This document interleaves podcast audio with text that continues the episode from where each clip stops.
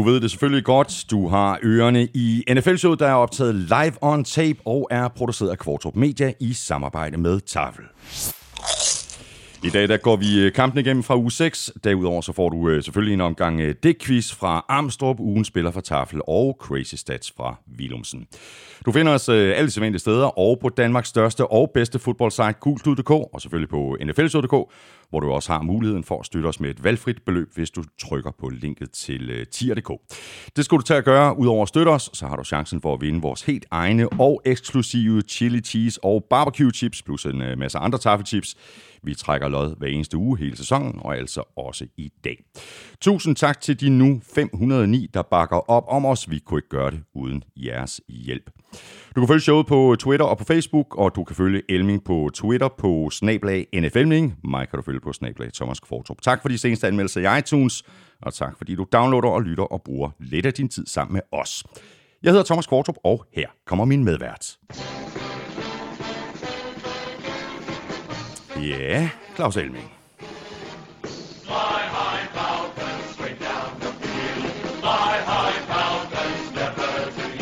Det er bare en af de der fight songs, øh, hvor man bare sådan ligesom kommer i godt humør.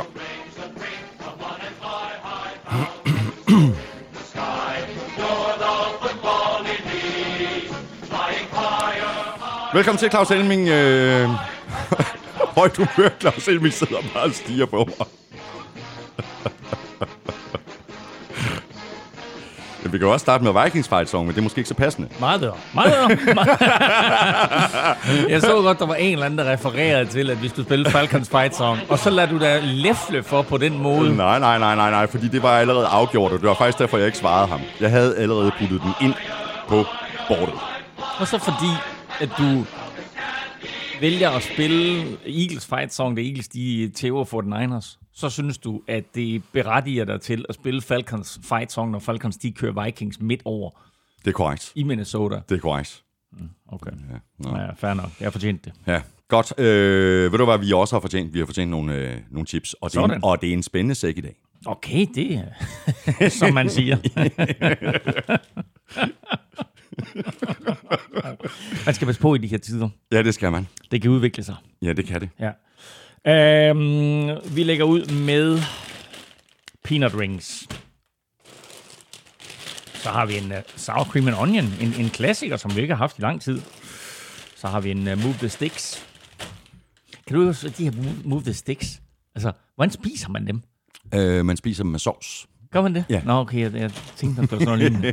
Jeg har prøvet på det, de er umulige at spise. Nå.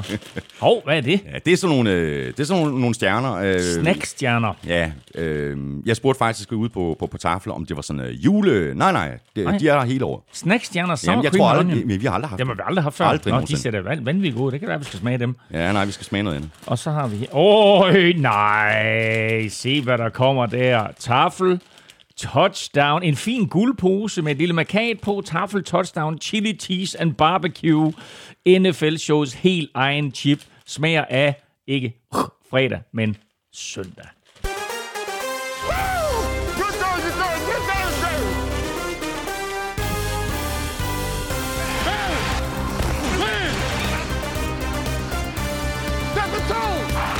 Titans, Steelers og Seahawks er stadig ubesejret, mens Jets er det eneste hold, der endnu ikke har vundet en kamp. Derudover så er der hele ni hold, der kun har vundet en enkelt kamp efter seks spillerunder. Not good, Bob.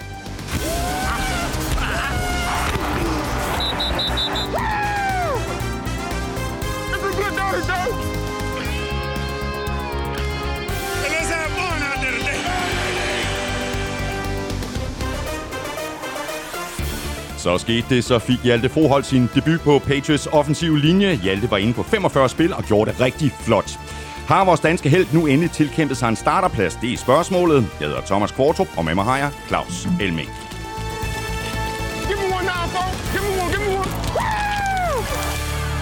Og Elming, du har siddet og taget øh, fotos af vores øh, egne chips. Jeg ved ikke, om du har smidt dem på øh, Twitter eller Facebook eller et eller andet. Nej, mm, mm, dufter godt. Det er en god start. Mm. Mm, mm, mm, mm, mm. Okay. Mm, så er vi i gang. Mm. Mm. Det er godt, men øh, Elming, øh, mens vi lige får lidt øh, af vores egen tips her, så skulle vi måske lige lægge ud med en øh, lille corona-update. Øh, der er selvfølgelig stadigvæk øh, tilfælde rundt omkring i ligaen, men i forhold til sidste uge, så virker der da til at være lidt bedre styr på det igen. Lidt.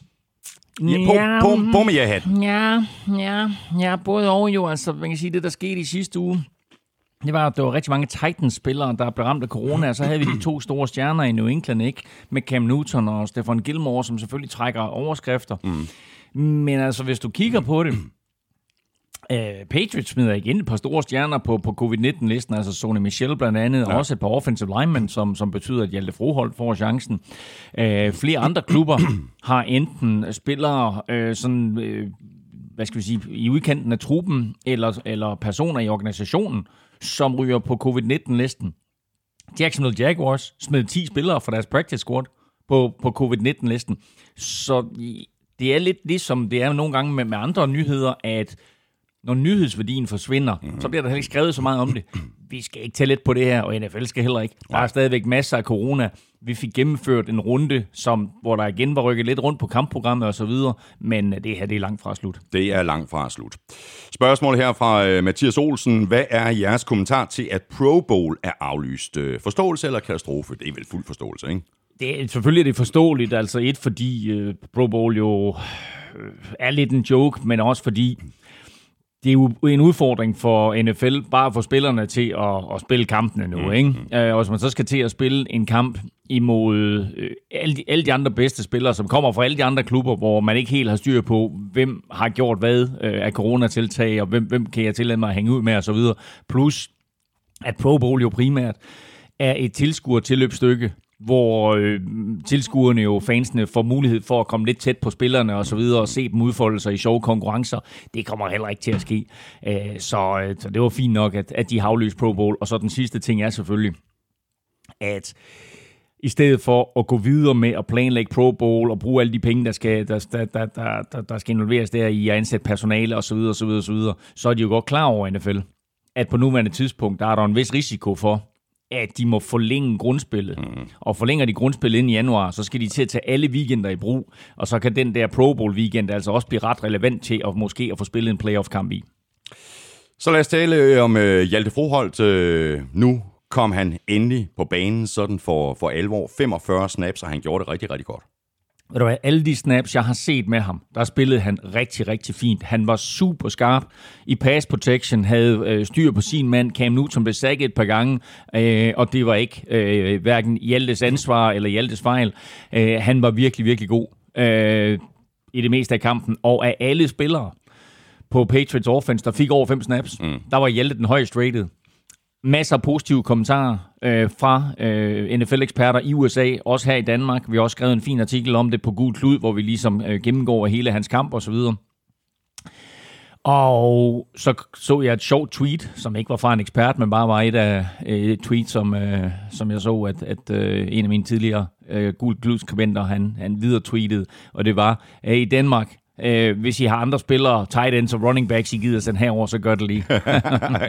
Jamen, øh, opfordringen hermed øh, givet videre til, til folk derude med et øh, kæmpe talent. Øh, Elming, betyder det så, altså nu øh, fik vi Hjalte at se, han spillede godt, øh, højst rated af alle på den offensive linje mm. i den her kamp, altså med spillere med, med over fem snaps. Betyder det så, at Hjalte er tættere på en starterplads nu? Altså, så længe at Patriots er nødt til at holde nogle spillere ude, enten via skader eller på grund af corona, så er det klart, at så er han tættere på. Jeg tror også, at det var væsentligt for Hjelte at få vist sig frem for trænerstaben i en kampsituation. Fordi når han på den måde tidligt i sæsonen står som første backup, men hele tiden bliver ved med at stå som første backup, at de smider nogen ind foran ham. Og det gjorde de også i den her kamp, fordi med alle de skader, de havde, og to mand på coronalisten, der kunne man godt have forestillet sig, eller håbet på, eller regnet med, at Hjalte han skulle starte, men det gjorde han ikke. Så det krævede endnu en skade på den offensive linje, for at Hjalte han blev sat ind. Og da han så blev sat ind, så gjorde han det rigtig, rigtig godt. Og det var vigtigt, både for ham, men også for trænerstaben, at se, at han klarer sig på den måde, og så at han også får øh, de her fine karakterer, for det er ikke kun folk, der sidder og vurderer det udefra, det sker også internt. Så det var rigtig, rigtig godt for Hjalte, og jeg tror også, at det var rigtig godt for hans selvtillidsboost Øh, der var to store ting, som, som ligesom boostede hans selvtillid i den sidste uge. Et var, at han spillede. To var, at hans kæreste sagde ja til at gifte sig med ham. Ja, ja, jeg så det så, godt. så det var en fin uge for Hjelte. Ja, helt fantastisk, og øh, det vigtigste er, at han greb chancen, da han endelig øh, fik den. En anden spiller, der har fået en chance mere, det er Le'Veon Bell. Det var ikke længe, han var uden job. Øh, nu har Chiefs signet ham. Ja, det, altså der var flere hold, der bejlede til ham, og blandt andet de to hold, der spillede mod hinanden i nat, Buffalo Bills og Kansas City Chiefs, var efter ham. Og jeg må da indrømme, at jeg havde lidt regnet med, at han ville lande øh, hos Buffalo Bills. Et, så er de selvfølgelig en uh, contender. Uh, to, så vil han blive i AFC East og vil få mulighed for at, at slå uh, Jets to gange i år. Og uh, tre, uh, så var det jo en mulighed for ham også til at komme ind på et et, et ungt mandskab, som er i gang med at, at etablere sig selv mm. som det næste store hold. Det han valgte, det var sådan set at hoppe ind på det hold, der allerede er etableret som det store hold. Og så kommer han jo ind i en situation her hos Chiefs, hvor når man så kampen i nat, så må man acceptere for Le'Veon Bells synspunkt, at han bliver kun en del, og måske endda en lille del, mm. af en meget effektiv maskine. Sådan som vi så Clyde Edwards-Helaire spille i går. Spille en fantastisk kamp. Spille en fantastisk kamp. Så bliver Le'Veon Bell kun øh, en, en øh, backup, eller en gimmick-spiller, eller en, øh, en aflastning. Hos Bills kunne han være kommet ind og have blevet nummer et running back. Og det overrasker mig lidt, at han ikke valgte det. Til gengæld, så sendte han jo lige den sidste sviner til Jets ved at tage minimumslønnen. Havde han, der, der, der, er noget, øh, altså, der er nogle formuleringer i hans kontrakt, der gør, at jo større en løn han får, jo mere skal han give tilbage til Jets. Men øh, han sagde, nej, ved I hvad, jeg tager, jeg tager bare minimumslønnen, og så, det er, kan, og, det er okay for mig. og så kan Jets betale min løn resten af vejen. Og det er også derfor, at Chiefs har råd til ham. For jeg, jeg har ikke helt øh, 100% styr på, på Chiefs øh, økonomi, og deres, øh, hvor meget plads de har under lønloftet. Men at de kan få ham til minimumslønnen, en spiller af hans kvalitet, det, øh, det, jeg tror ikke, de havde haft råd til at give ham kassen. Men øh, nu får de altså forhandlet det her på plads.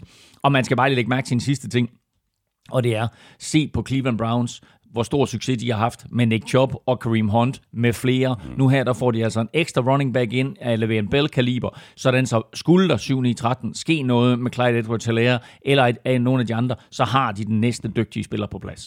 De rige bliver rigere. The rich get richer. Præcis. Jets har jo så i øvrigt øh, sagt farvel til, øh, til endnu en, øh, en spiller. De har traded nose tackle Steve McLendon, og det har de til, øh, til Buccaneers. Skip McClendon.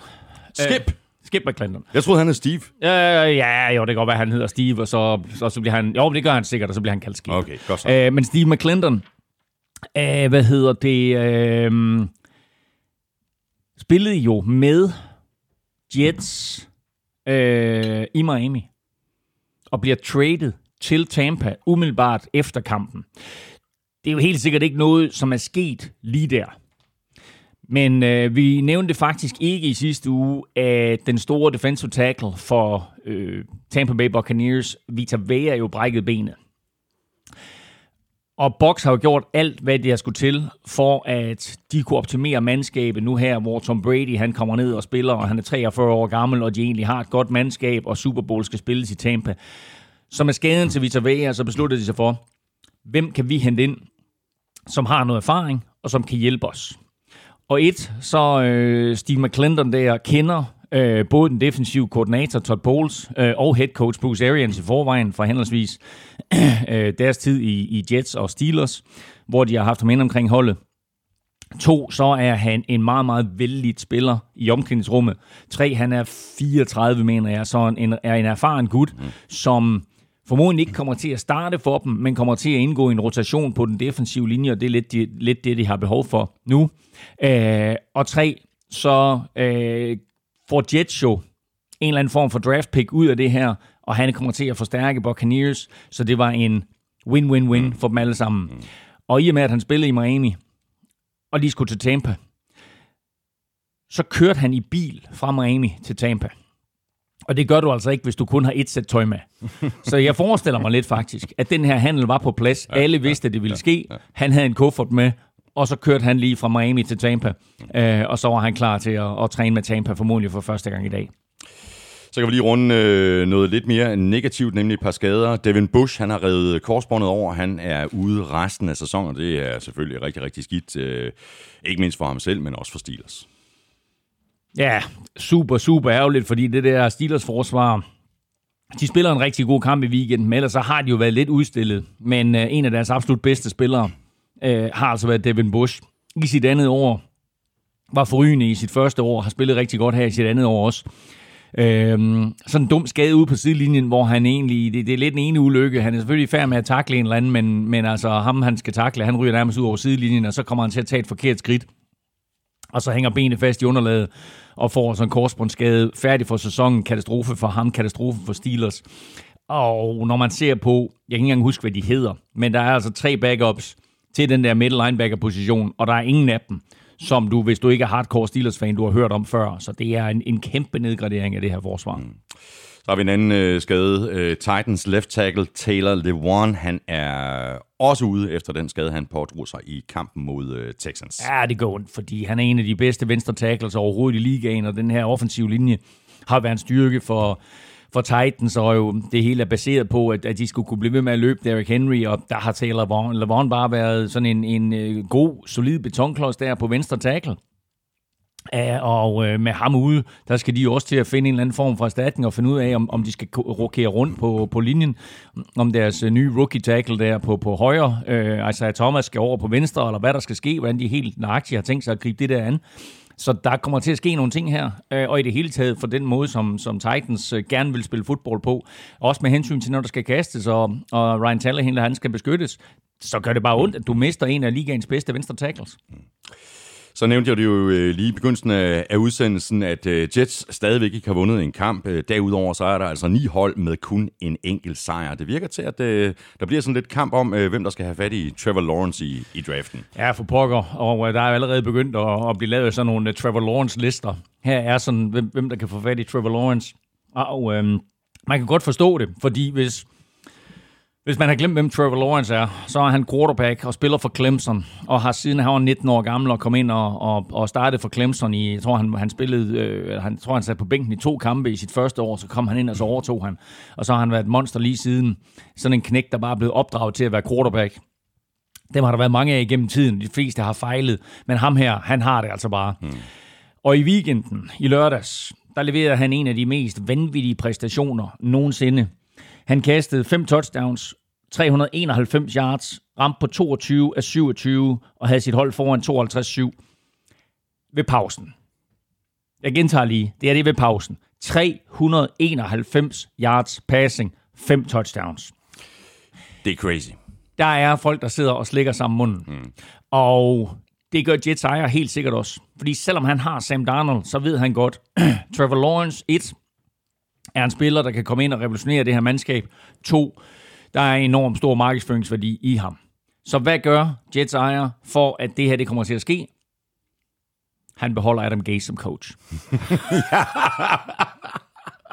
Det er godt set. Jamen at høre. Det er da det bedste, han kan gøre for sit hold lige nu. Det er da at beholde Adam Gaze. Han skal da ikke til at fyre Adam Gaze. Prøv at se, hvad der sker med de sidste to hold, der har fyret deres coach. Ja, de, de og vinder. De har vundet ugen efter. Ja, det skal han ikke risikere noget af. Han, prøv at høre, hvis, hvis der kommer en ny coach ind, og den coach lige pludselig siger, prøv at høre, nu gør vi det på en helt anden måde, og så vinder de fire kampe. Ikke? Eller principielt, hvis han bliver fyret nu, så kunne de gå 10 og 6 i teorien. Ikke? Mm. Det skal Jets ikke nyde noget som helst af. du fortsætter bare. De skal have fat i Trevor Lawrence, og den eneste måde, det sker på, det er ved at beholde Aaron Gay som head coach. det er et godt bud. Men i øvrigt, øh, er vi ikke enige om, at uh, Trevor Lawrence er det bedste bud på sådan en clear cuts uh, nummer et, faktisk siden Andrew Luck? Jo, 100 procent. Øh, der er ikke, øh, der er, altså, jeg tror, der er nogen, der gerne vil, vil bygge et spil op, og så sige, jamen der er også en, jeg kan ikke huske lige, hvad han hedder, men der er en anden quarterback, og der er også en defensive end, og der er nogle, nogle forskellige spillere, som de siger, ah, de kan også blive nummer et. Nej, det kommer ikke til at ske. Trevor Lawrence, han bliver nummer et, uanset hvad. Det eneste, nej, ikke uanset hvad, fordi vi så, at, at Tua Tonga skulle have været nummer et, og så mm. får han hofteskade, og så ryger han ned og bliver draftet nummer 5.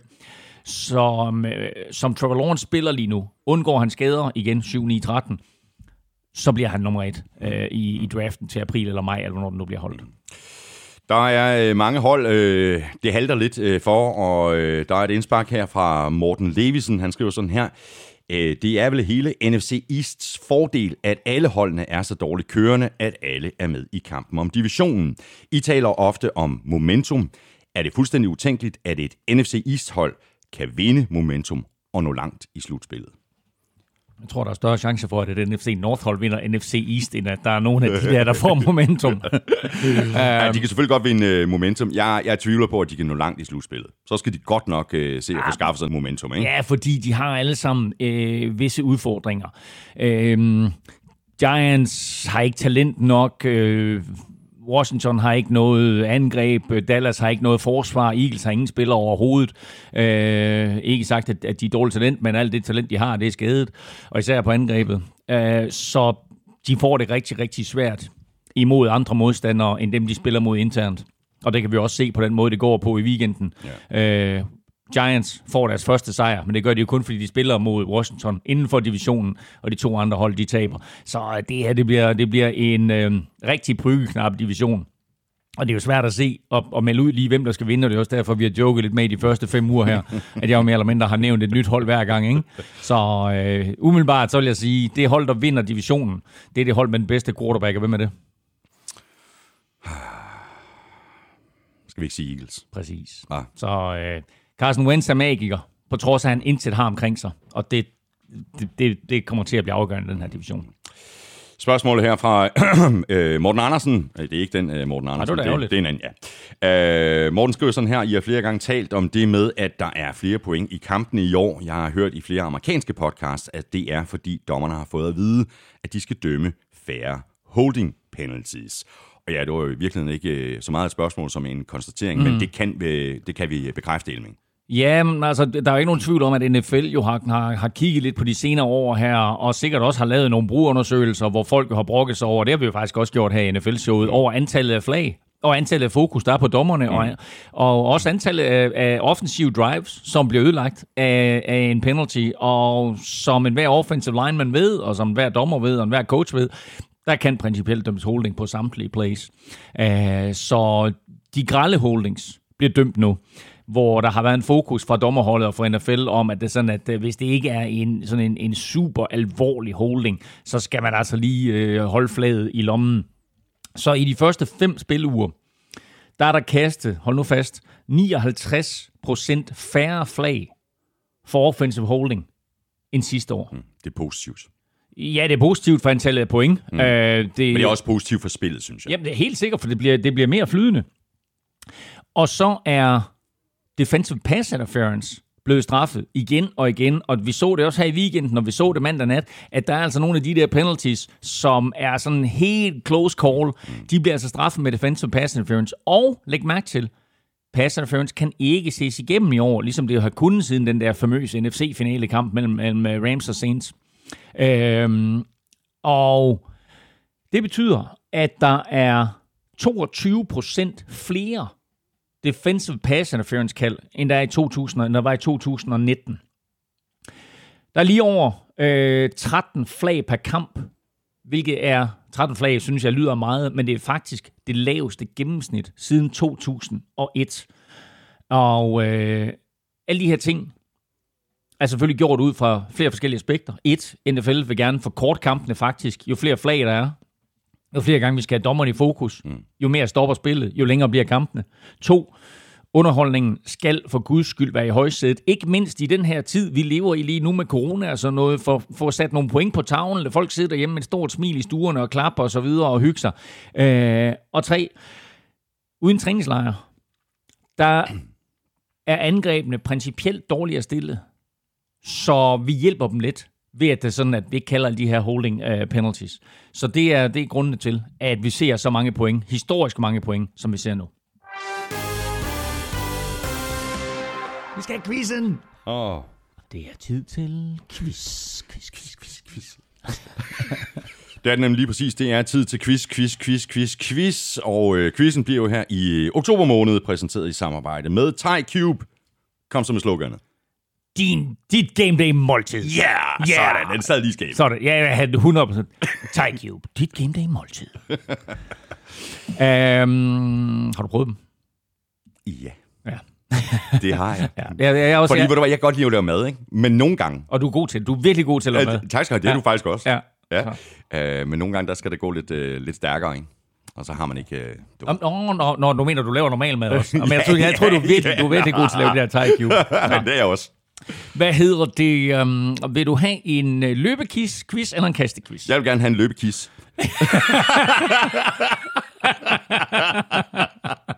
Så får du din løbequiz. Nå. Derek Henry løb 200 yards i weekenden. Og øhm, den sidste spiller, der gjorde det, var Raheem Morris i slutspillet. Men en anden spiller løb faktisk 200 yards i 2019, ud over Derrick Henry. Hvem var det? Haha. Kan du, det kan du godt huske? Nej, men jeg har, øh, jeg har et godt bud. Åh, oh, det er okay. Jeg var helt i chok, da jeg Jeg, så. nej, nej, men jeg, jeg, jeg, skriver, jeg skriver mit bud her, og så tænker jeg lige lidt videre, ikke? Jo, men, men nu vil jeg lige sige, fordi øh, jeg har godt set budet. Ja, Ja. godt. Øh, og så vil jeg sige til dig, han, Og- han havde jo netop 200 yards i slutspillet. Så ja. han er den seneste, der har gjort det. Han gjorde det i januar mod Green Bay Packers. Og, Ja. og, og manden, du har skrevet Ja. op der, det er Raheem Mostert. Exactly. Jeg vil hjælpe dig at sige, det er ikke ham. Okay, godt så. 200 yards Ja, rushing. Hvem rushing Hvem? i 2019-sæsonen, Ja. ja. ud over Derrick Henry. Derrick Henry. Ja, for Derrick Henry har nemlig, som vi måske kommer tilbage til, når vi snakker Titans, så vi kan også sige det nu, er den første spiller i NFL's historie, der har haft en 200-yard rushing-kamp tre år i træk. Han gjorde det i 2018, han gjorde det i 2019, og nu gjorde han det igen i søndags Vanvittigt. imod Texans. Ja. Men øh, hvilken anden spiller løb 200 yards i grundspillet i 2019? Okay, godt. Jamen, øh, ah, det er også noget, det er træls, det, det ikke er Raheem Mostert. Det var jeg lige sikker på, jeg kunne. Ja. Nå, så må jeg, jeg, jeg må tænke mig om. Du får øh, Armstrongs øh, dækquiz øh, her. NFL har et krænkelsesproblem. Tom Brady pissede på Green Bay's emblem. Derrick Henry er en ond, ond mand. At latterlig gør forsvar af det, han kan. Patriots først lagt ned af coviden, så sparkede McManus dem lige i midten. Quarterbacks får tit æren, hvor mange pick sixes har Aaron Rodgers i karrieren. Ej, det ved jeg godt. Ja, det vidste jeg også godt. Nå, men det er fint for dem, der ikke ved det. Derude, det er der- godt, men, øh, men, men, men det vender vi tilbage, fordi der er faktisk nogle, øh, der er nogle øh, bonus-info-spørgsmål her, Ja, som vi ja, så øh, tager, ja, når vi ja. når frem øh, til svarene i quizzerne. Armstrong, han er jo i øvrigt i, øh, godt i gang med at samle penge ind. Øh, jeg ved ikke, om du ved det, han her i øh, oktober måned, der vil han gå 400 km for at skabe opmærksomhed omkring Kids Aid, som du vist øh, kender rimelig godt, ikke? Jeg er ambassadør for Kids Aid. Det er lige præcis øh, det, og du er. Øh, jeg har faktisk sagt ja til at gå sammen med øh, Amstrup den, øh, den sidste lille tur øh, fra Østerbro og til Rådhuspladsen. Mm. Øh, det, er den, det er lørdag, den, er det den 25. oktober, sådan der. Øh, jeg er faktisk ikke helt sikker på, ja. øh, på, øh, på, på datoen, men vi har i hvert fald øh, lovet Armstrong at linke til øh, hans indsamling fra vores øh, Twitter og Facebook. Og så kan du øh, via det link, øh, vi deler, støtte med et øh, bidrag, og bidragene går jo altså til Kids Aid. Det er en organisation, som hjælper alvorligt syge børn og deres pårørende ved at skabe unikke og specielle oplevelser for de her udsatte familier. Og hvis øh, du vælger at støtte, jamen, altså, du kan gøre det med 10 kroner, du kan gøre det med 20 kroner, eller et helt tredje beløb. Øh, det er fuldstændig underordnet, som øh, Armstrong han skrev til mig i går, så modtages alle bidrag med kyshånd og taknemmelighed. Målet øh, for Armstrong, det er at øh, indsamle minimum 15.000 kroner, og indsamlingen er allerede oppe på 9.500. Flot. Super og han har gået øh, 255 kilometer. Vi hæpper på, øh, på Armstrong, ja, og det er super, det er super flot. Jeg ved, jeg ved flot han, er, han, han spiller meget golf, så jeg forestiller mig, at de fleste af de kilometer, er gået på en golfbane. Godt. Øh, opfordringen hermed øh, givet videre, og øh, du kan finde linket øh, senere i dag på, øh, på både Twitter og på, øh, på Facebook. Jeg er meget tilfreds med vores egen tip. Er jeg også meget, meget ja. tilfreds med. Så hopper vi i øh, kampen Elming, og vi lægger ud med øh, Giants første sejr i år. De slog øh, Washington hjemme med 2019, og dermed tabte Giants et lille skridt i kampen om at få fingrene i Trevor Lawrence i næste års draft. Men en øh, vigtig sejr til Giants i divisionen. Vigtigt ikke at have et øh, stort rundt 0 stående i øh, sejrskolonnen længere, og, øh, og det er vel især Giants defense, øh, der skal krediteres for den her sejr, ikke? Ikke bare spillede de en god kamp, uh, Giants defense. Uh, de scorede jo også et touchdown, og det var ikke her hvem som helst. Det var nemlig Mr. Irrelevance. pick nummer 255. Ej, jeg kan ikke mere.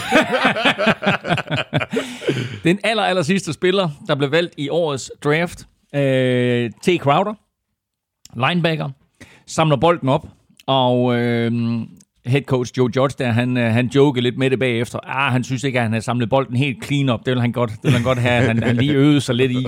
Men øh, han laver det, der hedder en scoop and score. Altså får bolden samlet op og øh, løber den 43 yards til touchdown. Og det var øh, jo det, der til sidst skulle vise sig at blive den afgørende, den afgørende scoring øh, i den her kamp. Så øh, touchdown af Giants forsvar, og øh, da det hele skulle afgøres til aller, aller sidst, og øh, Redskins, undskyld, det var faktisk ikke med vilje. Washington football team øh, forsøgte sig med en uh, two-point conversion, så, øh, så, så kiggede det og forsvar holdt stand igen. Ja, ja, præcis. Og det er jo noget, man kan argumentere for og imod det her. Det står uafgjort, eller, eller man kan vinde kampen ved at, at, at lave den her two-point conversion. Så, øh, de di- Ja, diskussionen går så ja. øh, for, for headcoachen og for den offensive koordinator. Skal vi gå efter at vinde kampen nu, eller skal vi øh, sende øh, kampen i, i overtid? Nu mislykkes det her, men man kan jo argumentere for og imod den her beslutning, ikke? De er bagud 2019 et ekstra point, sender kampen i overtime. En two-point conversion vinder kampen. Argumentet for at lave en two-point conversion er selvfølgelig, hey, vi vinder her nu. Så er det overstået ved at få sejren. Mm. Argumentet for at sparke ekstra point i det er, Giants har altså ikke haft noget i den her kamp overhovedet. De har haft nogle enkelte plays, uh, hister her. Uh, Daniel Jones har ikke været specielt god. Uh, de har egentlig haft rimelig godt styr på det. Det her det var en forsvarspræget kamp så hvorfor ikke tage den der kamp i overtime, og så satse på, at det sådan, du kan levere et eller andet, og du kan vinde den i overtime. Um, argumentet kan gå begge veje.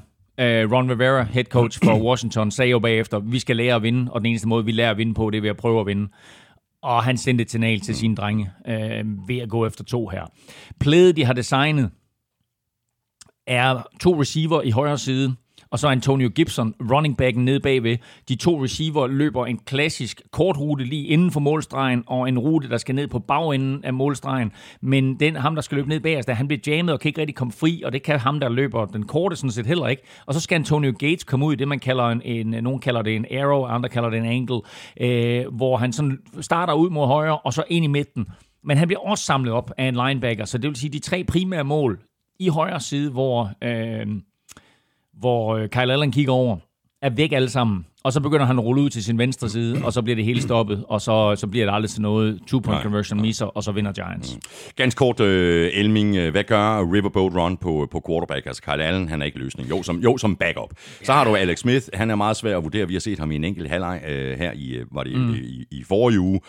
Og så har vi Dwayne Haskins, som jo er deres øh, første valg, altså mm. øh, højt draft pick. Ja. Øh, bliver de ikke næsten nødt til at starte Dwayne Haskins nej, igen? Nej, fordi grunden til, at Kyle Allen starter, det er, fordi Ron Rivera godt kan se den her NFC East-division, apropos det, vi talte om tidligere, at den er op for grabs. Alle kan vinde den her NFC East-division. Og der tror jeg, at Ron Rivera kigger på sit mandskab og kigger på sin quarterback-position, og så siger, lige nu giver Kyle Allen også den bedste mulighed for at vinde den her division. De to touchdowns, han leverer, de er jo gudesmukke mm, begge to. Mm. Logan Thomas og Cam Sims, det er begge to øh, suverænt flotte touchdowns ned i, ja, mere eller mindre det samme hjørne af endzonen, ikke i hver sin ende, men ned der i, i dybt i venstre øh, hjørne af endzonen. Han har den fumble, der fører til Giants touchdown, men udover det, ja, så har, ja, det er jo, det er jo, altså, han har nogle virkelig gode momenter, og så har han noget forfærdeligt. Mm, men, men jeg tror men bare, er det ikke han, det, jeg, jeg men tror er det samme som Dwayne Haskins? Jo, altså, hvis, jamen, hvis Kyle altså, Allen er det bedste bud på en quarterback for ja. Washington, jamen, det er så er de godt nok skidt kørende. Jamen ellers, hvor, hvorfor ikke gå med uh, Alex Smith? Jamen, det er da også en mulighed. Mm. Vi får se, hvad uh, Riverboat Run han gør på, på quarterback. Uh, der er i hvert fald uh, endnu en udfordring i, i landets uh, hovedstad. Washington, de er 1 5, og de spiller hjemme mod Cowboys. Giants, de er også 1 5, og de spiller ude mod Eagles. Dolphins de slog som øh, forventet Jets, og det gjorde de uden nogen former for slinger i valsen. Øh, vi kan evaluere Jets ret hurtigt. De har problemer. De er 0-6. De er ikke et godt hold. De kunne godt bruge Trevor Lawrence, og Adam Gase hænger i en meget tynd tråd, hvis ikke Jets ejer gør, som du sagde indledningsvis, og siger, at du fortsætter bare stilen Adam Gase, og så sikrer vi os Trevor Lawrence. Jeg ved ikke, hvor meget der ligger i det, men altså, det der, der er der ikke nogen tvivl om, at de gerne vil have det der første draft pick. Nu, nu er sæsonen væk. De har ingenting. De er selvfølgelig også ramt af skader, og, og det, der er ikke noget, der er nemt for, for Sam Darnold i øjeblikket.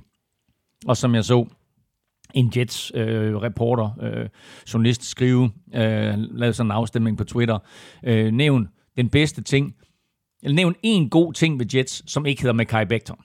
Så de er ret vilde med deres unge rookie tackle der. Resten, det er LORT. Ja. Så de har Sam Darnold lige nu, og han er en vigtig, vigtig, dygtig quarterback. Altså, jeg kan virkelig godt lide Sam Darnold. Trevor Lawrence er inden for rækkevidde, hvis de går 2 og 14, 1 og 15, 0 og 16. Så de vil med stor sandsynlighed tage Trevor Lawrence. Og så vil de med stor sandsynlighed faktisk også godt kunne få ret meget for Sam Darnold i form af draft picks. Måske ja. lidt af Josh Rosen, ikke? Mere.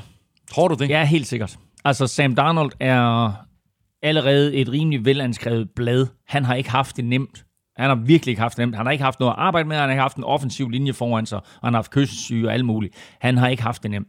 Så jeg tror, at der hænger et første runde pick på øh, en eller anden form for... Et, et eller andet hold, der mangler en quarterback vil godt give et første runde pick for, for Sam Darnold, det tror jeg. Så, øh, så det her, det bliver en quarterback-udskiftning. Den anden ting, det er, hvis Jets, og der, altså selvfølgelig tager de Trevor Lawrence, men hvis de... 120 procent ja, sikkert. Hvis de ikke gør, så kan de jo simpelthen få fuldstændig vanvidskassen for at trade det der nummer et pick til et hold, der står og mangler en quarterback. Ja. Men, men hvis så Trevor Lawrence bliver den største stjerne ever, så bliver Jets-fans ikke glade. Mm. De er nødt til at tage ham. Ja.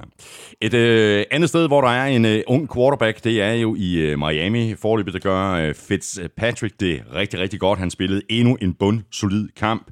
Måske lige på nær øh, på de der to interceptions, men øh, 18 af 27 for 191 yards og tre touchdowns. Og så fik vi jo rent faktisk Tua at se til sidst i kampen. Og hvem var det, der stod og klappede, du ved, øh, ude på sidelinjen? Ja. Det var Ryan Fitzpatrick. Ikke? Der var en, der skrev til os på Twitter i går, læg lige mærke til, ja, hvordan Ryan Fitzpatrick han hæpper på Tua.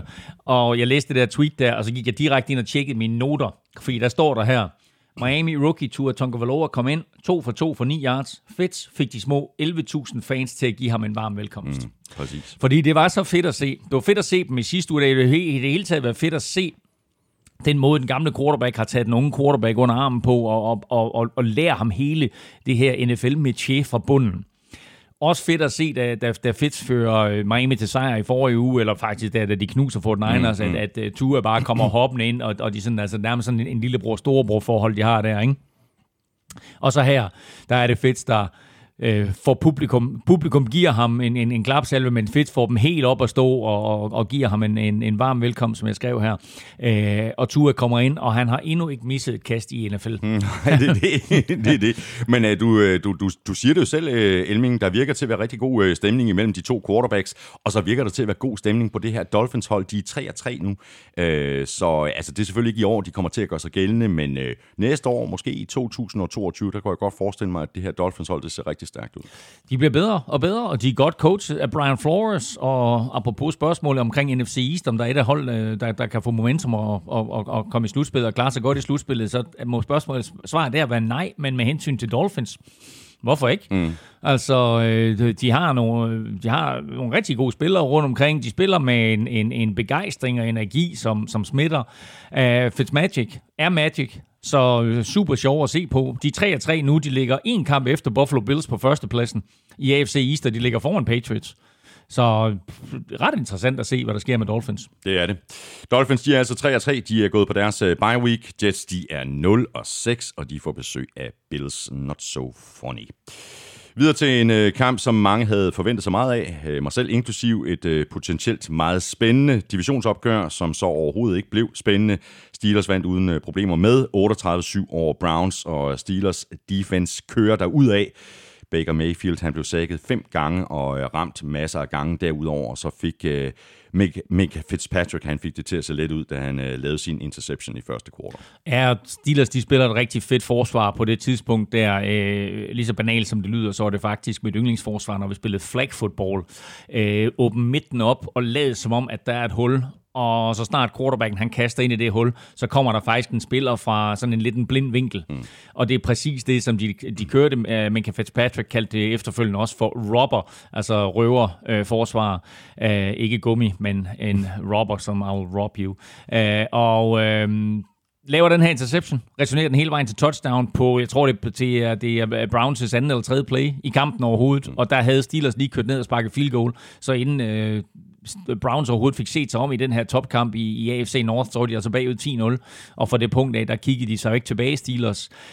Og så skal vi også bare lige sige, at som vi nævnte sidste uge, så blev Baker Mayfield altså skadet, mm. øh, og øh, det, det, den, det synes jeg også godt, man kunne se i den, den her kamp. Den, ikke? den skade var han ikke kommet sig 100% nej, nej. over. Så øh, han ender faktisk med at spille ikke bare en dårlig kamp, men ender også med at, at blive udskiftet.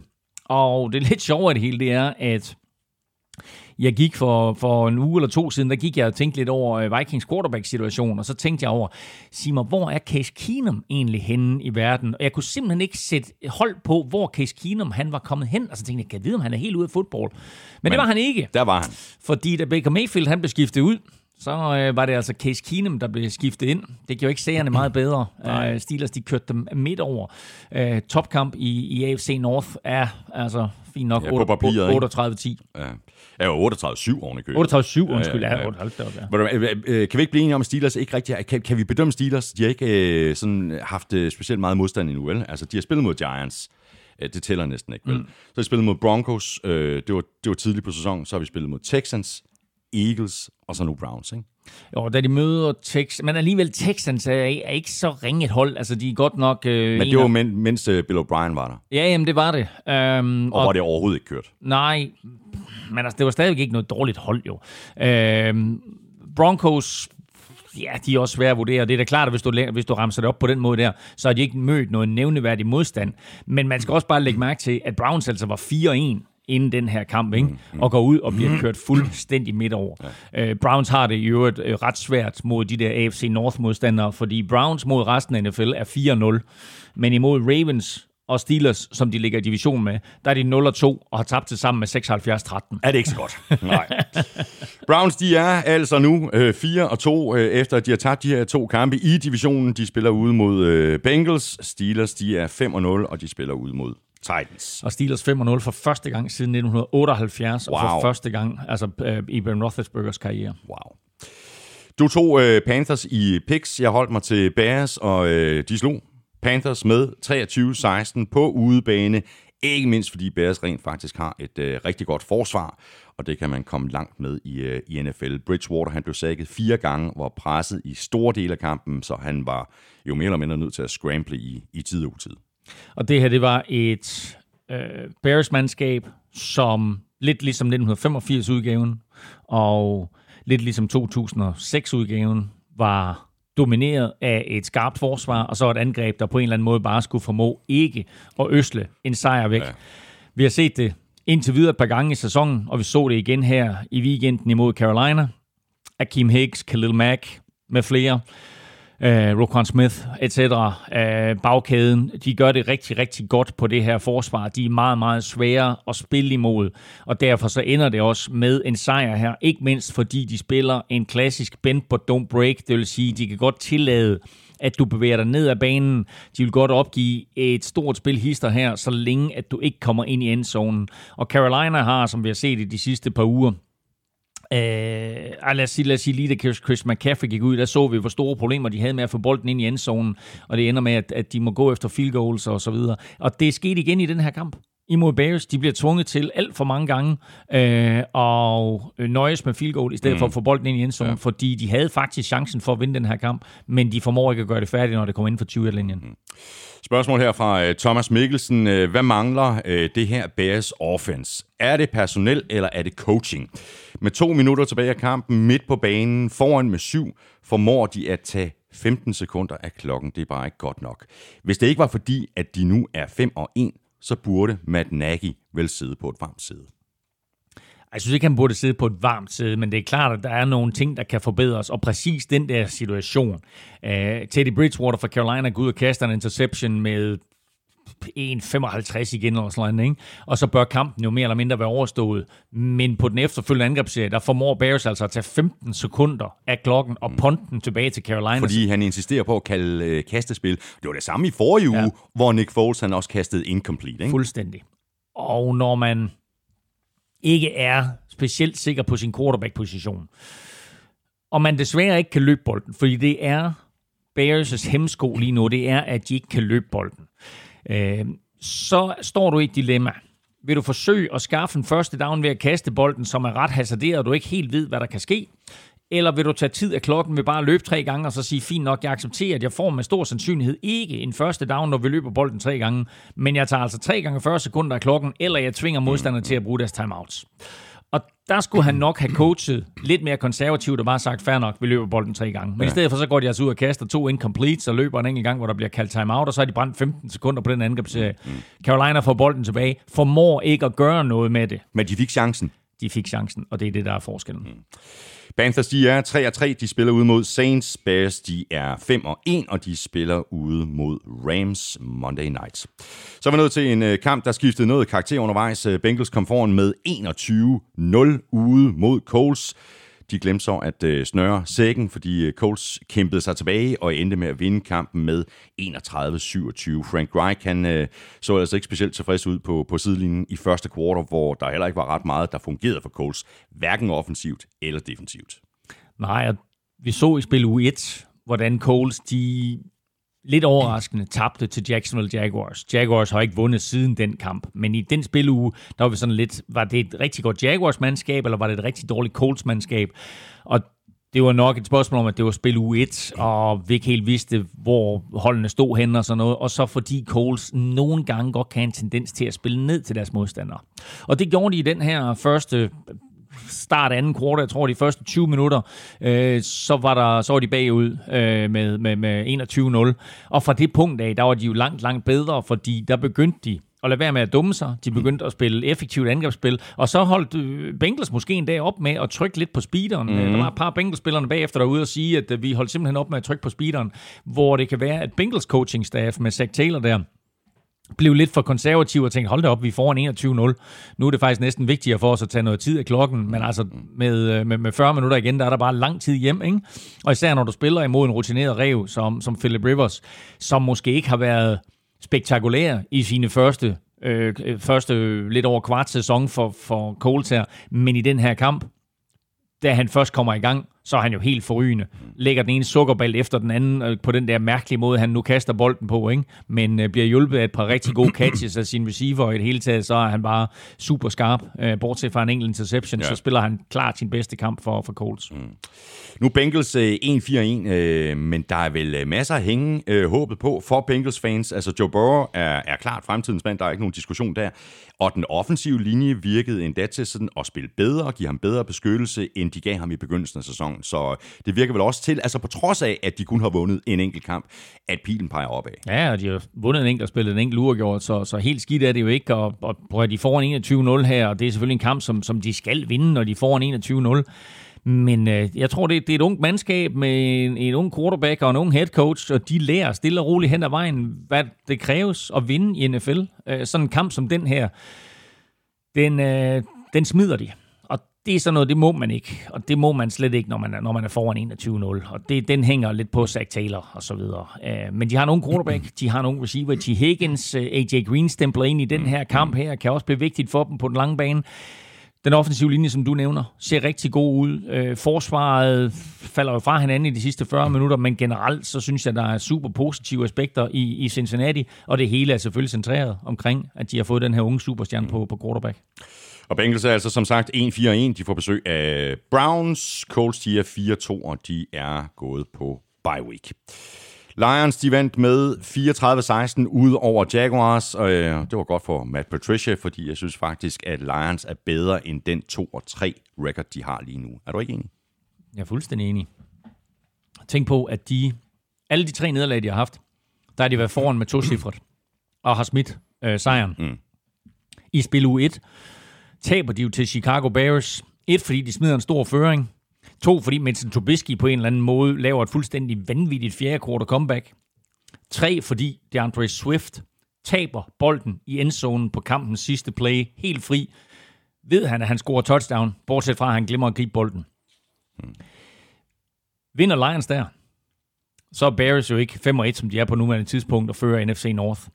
Vinder Lions der, så er deres sæson helt anderledes, end den er på nuværende tidspunkt. Øh, så er de 3-2 i stedet for 2-3 så mange ting spiller ind i de der, altså et enkelt play som det der, er jo vanvittigt afgørende for hele Lions sæson. Øh, Lions har tabt til nogle ret giftige modstandere. De har tabt til, øh, de har tabt til Bears i den der kamp på en mærkelig måde. De har tabt til øh, Packers, og så har de tabt til Saints. Øh, nu er de 2 og 3, og de er på ingen måde ude af kampen om NFC North. Matthew Stafford spillede i godt, han har fået Kenny Golladay tilbage, ja. og så der Andre Swift, som jeg sagde, der tabte det her touchdown mod Bears, har sin bedste kamp som øh, ny professionel. Han er jo også rookie. Kommer ind her, overtager for Adrian Peterson, og trænerstaben kan godt mærke, wow, der er et eller andet her i Andre Swift i dag, eller mm. det er Andre Swift i dag, fordi de bliver ved med at give ham bolden, og han får lov til at blive på banen. Øh, normalt så er, det der, så er det Adrian Peterson, der spiller, og så kommer det Andre Swift sådan ind på nogle special plays, men her der blev han på banen, og de blev ved med at give ham bolden, mm. og han fik altså sin første 100-yard kamp, og, og scorer også to touchdowns. Og bliver godt hjulpet af den øh, offensive linje også. Nogle har så selvfølgelig også sige, at, at Jaguars som mangler nogle starter på den defensive linje, så måske havde de let øh, spil, men DeAndre Swift 14 gange løb han bolden for 116 yards og to touchdowns, og jeg mm. synes i det hele taget, at, at Lions, uh, Lions angreb var meget balanceret mellem, mellem kast og løb. Helt sikkert. Og øh, det er altså, jeg synes, det er et Lions hold, som jo man har glemt lidt. Og, og øh, du har nævnt også Matt Patricia, som øh, for et par uger siden, da vi snakker om trænerfyringer, at han hang lidt i en tynd tråd det, det er klart, at hvis det går ned ad bakke for dem i år, som det har gjort sidste år og forrige år, så er det klart, at så hænger han i en tynd tråd. Men lige nu der skal man bare lægge mærke til det her hold her. Det er altså langt, langt bedre. Og nu ved jeg godt, at, det er sådan, at, at, at jeg sjældent rammer plet, men jeg sagde bare inden sæsonen, at man skulle lægge mærke til Lions, fordi så dårlige var de altså heller ikke. Og kan de begynde at vinde nogle af de her tætte kampe, og kan de lade være med at smide de her store føringer, jamen øh, så er det et hold, som godt kan blande sig i kampen om, om slutspilspladser, ikke mindst i år, hvor der er en ekstra øh, i begge halvdele. Hvad med øh, Doc Marones øh, trænerstol, øh, eller øh, er han i far? Han er i far. Altså, Jacksonville Jaguars er jo elendige hele vejen rundt. Jeg roste dem efter den der spil u sejr over Coles, og siden da, der er det jo bare gået ned ad bakke. De har tabt Øh, jeg tror, de har smidt, øh, øh, de har, der er sat 30 point. De har tabt fem i træk, og de har tilladt mindst 30 point i alle fem. Så øh, både head coach Doc Marone og defensive coordinator Todd Wash må, må begynde sådan at, at føle, at sædet brænder lidt under dem. Mm. Det her det, er, det har ikke været godt for, øh, for Jacksonville, og altså, lige så meget som jeg elsker ham, så må jeg, selv, så må jeg sige, at, at, at quarterbacken der, Minshew Magic, det, det hænger altså også lidt i en tynd tråd. Ja. Spørgsmål her fra Niklas øh, Weismann Bøgekvist. Øh, hvordan pokker kan det være, at en John Brown for Jaguars, som nærmest aldrig har sparket til en fodbold i en kamp nogensinde, får chancen for at blive kicker i NFL, mens folk som Simon Mathisen og Philip Andersen, som har bevist rigeligt tidligere, ikke har fået chancen endnu. Jeg fatter det ikke. Ja, det er politik. Men, men øh, for lige at vinde den der, så er det jo ret sjovt med, med Jaguars, fordi de, lavede, de blev jo historiske i weekenden, fordi de brugte deres femte kicker i fem kampe. Øh, skader med mere har gjort, at de har været nødt til at hive en ny kicker, kicker ind hver evig eneste runde, og John Brown han bliver altså den femte kicker her. Og som øh, spørgsmålet går på der, så er det jo lidt interessant, fordi han sparkede sit første field goal og ekstra point på noget niveau nogensinde. Han har været kick-off specialist. Han har aldrig sparket et ekstra point eller field goal i high school eller college. Nu kommer han ind i NFL, og så sætter han nogle point på tavlen her, øh, og, og, og, og gør vel det, man, man kan forvente af ham, og forlange af en kicker. Men når jeg siger det i politik, så er det et spørgsmål om, jeg sagde jo meget tidligt i processen til Simon Mathisen, du skal have en anden agent. Mm. Fordi ham der, han var øh, øh, en, en masse snak, a lot of talk and no walk. Og øh, her der er der helt sikkert en eller anden agent, som har haft en eller anden på indersiden i Jaguars, der har skyldt ham en tjeneste, og så har han sagt, prøv lige ham her. Og så er John Brown kommet ind og har gjort det godt, og så har sagt, nej, lad os sign ham. Ikke? Altså, det kan ikke gå værre, end vi cutter ham, og så bruger vi kigger nummer 6 i næste uge. det er fuldstændig korrekt. Men vi må da håbe, at øh, vores danske kickers, de får chancen for et eller andet tidspunkt. Så må de da skifte agent. Ja, altså, men uh, ja, altså det, det, det, det er selvfølgelig ærgerligt. Altså Simon sidder selvfølgelig lidt på ydersiden, men altså Philip gør det, hvad han kan for, ja. at, at uh, han skal have chancen på et tidspunkt. Det her var i øvrigt det sidste hold, som Matthew Stafford manglede at kaste et touchdown mod. Nu er det kun Lions, han ikke har kastet et touchdown mod, så nu har han kastet et touchdown mod de andre 31 mandskaber. Stærkt. Og Lions, de er 2 og 3, de spiller ude mod Falcons. Jaguars, de er 1 og 5, og de spiller ude mod Chargers. Og så har vi øh, Ravens sejr på 30-28 ude over Eagles, der var helt nede i sækken. De fik så kæmpet sig tilbage med et øh, flot fjerde kvartal, som de vandt med hele 22-6. Too little, too late, kan man sige, men nu det er jo ikke nogen øh, sådan særskilt skam at tabe til, til Ravens, og måske kan Eagles og head coach Doug Peterson bruge den her gode afslutning i kampen sådan fremadrettet. Altså, sådan, vi kan jo godt, så måske skal vi bare lige gøre sådan også de første tre quarters. Det er svært, når man er så skadesramt, som de er, og især på angrebet. Eagles de kommer ind øh, til den her kamp med øh, øh syv ud af 11 offensive starter, øh, der, der mangler i holdopstillingen. Det vil sige, at de kun havde fire øh, af de oprindelige 11. Så bliver Miles Sanders skadet. Han er ude i et par uger. Og Zach Ertz bliver skadet. Han er ude i minimum fire uger. Så det vil sige, at nu er de nede på Carson Wentz og center Jason Kelce ud af de 11 spillere, der skulle have startet på angrebet. Og det er derfor, jeg siger, at Carson Wentz er den bedste quarterback i NFC East, fordi hvad han formår på egen hånd med en fuldstændig horribel offensiv linje foran sig, og med nogle receiver, som man knap nok kender navnet på, det er imponerende. Det er helt vildt. Altså, han bliver sækket seks gange, og han er altså pres på ham, ikke? men han viser, hvad han kan.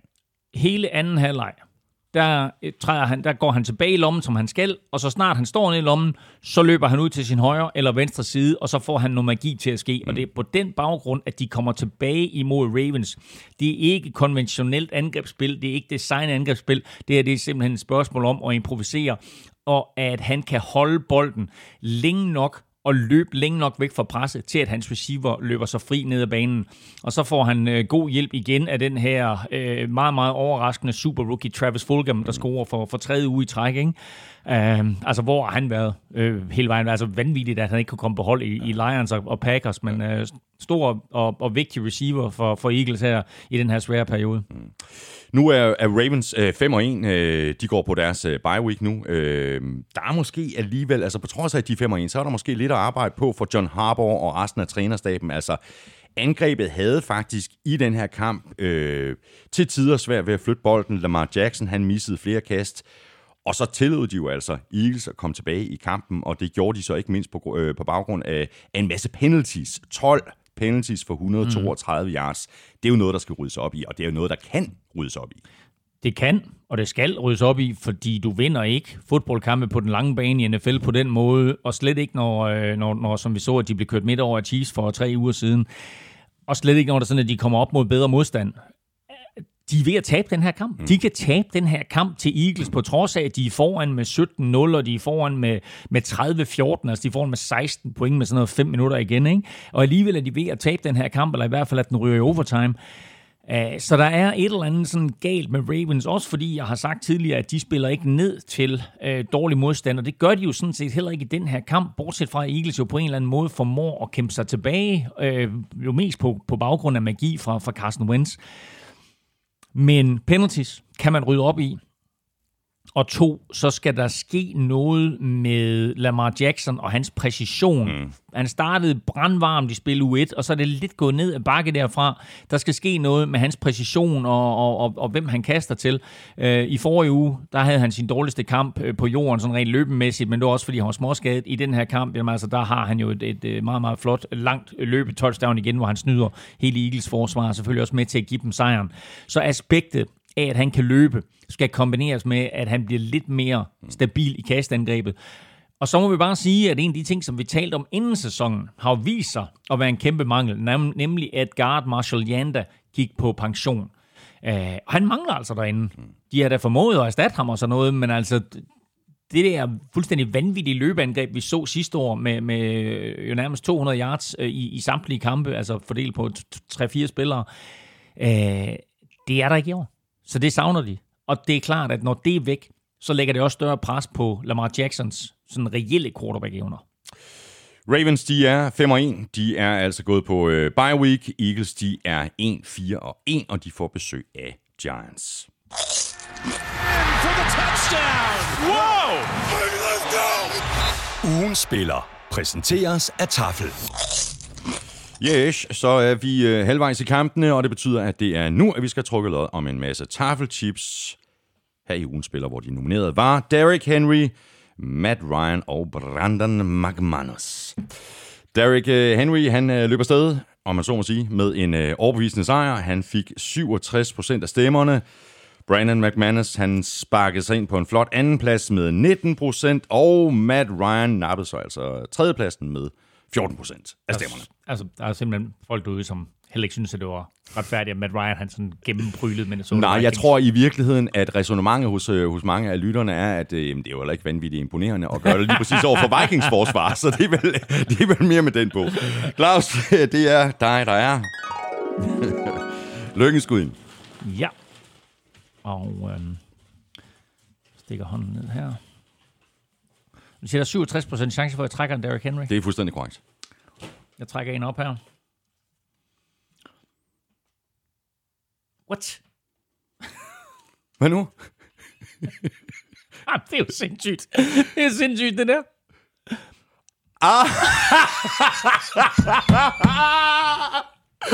Der er en, der har stemt på Kirk Cousins. For Falcons. Kirk Cousins, ugen spiller for Falcons, week 6.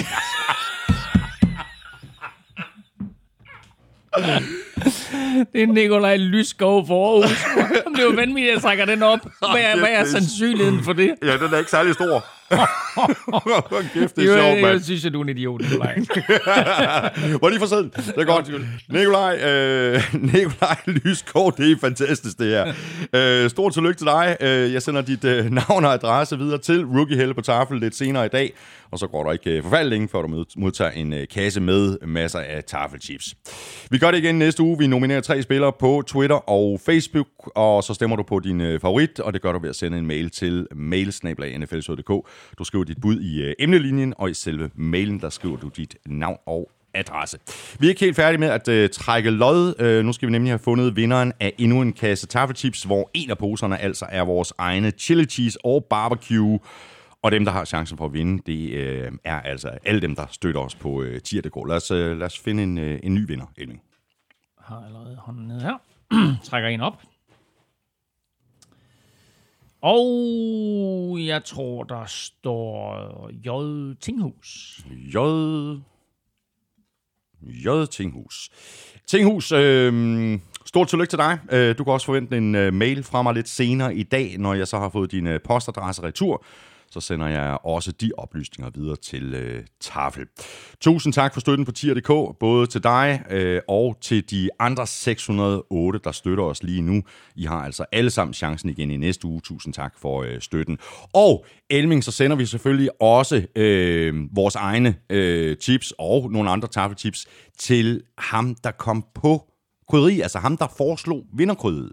Det er Martin Christensen. Det var ham, der foreslog chili cheese og barbecue. Fedt, Martin. Du er udødelig gjort. Jeg sidder her og spiser dine uh, chips, og de er virkelig, virkelig gode. Chili cheese and barbecue. Touchdown for tafel. Det rykker. Og øh, det, der øh, også rykker, Elming, det er selvfølgelig øh, kampene. Og nu øh, åbner vi altså for, for anden halvdel af kampen, og det gør vi med øh, Falcons første sejr i år. Den fik de på udebane, hvor de slog Vikings med 40-23. Vi øh, nominerede Matt Ryan til ugens spiller, øh, og samtidig er der så flere gode grunde til, hvorfor vi ikke nominerede Kirk Cousins, også selvom det så rent faktisk var ham, der Hvor er det- hvor- vandt, hvor- hvor- hvor er det sindssygt. ugens spillerafstemning, der netop havde stemt på Kirk Cousins. Men det var som med lidt, øh, med lidt humor og lidt øh, ironi. Øh, det var altså Kirk Cousins for Falcons. Kirk Cousins fører NFL nu øh, i interceptions, um, og jeg så en fuldstændig vanvittig statistik, der hedder, at for hver 147 yards, han skaffer til Vikings, der kaster han en interception. Uha. Den, øh, den, den, den gør ondt, og det er sådan en statistik, som, som siger ret meget, og også fortæller, hvorfor at Vikings de er 1-5 lige nu. De har haft nogle chancer for at vinde nogle kampe, og den her kamp mod Falcons kan de sådan set også godt være med i, hvis ikke Kirk Cousins bliver ved med at give bolden væk. Han kaster tre interceptions i den her kamp i første halvleg. Og fra det punkt af, der øh, var det meget, meget svært for Vikings at komme tilbage og vinde. Og da Falcons de så samtidig havde en mere eller mindre frisk Julio Jones mm. med, så øh, var der altså bare klasseforskel på de her to mandskaber. Julio Jones var øh, den bedste spiller på banen. Måske, ja. måske sådan øh, stærkt forfulgt af Justin Jefferson, Vikings rookie, mm. Som bliver ved med at vise gode takter, ikke? ved med at imponere. Mm.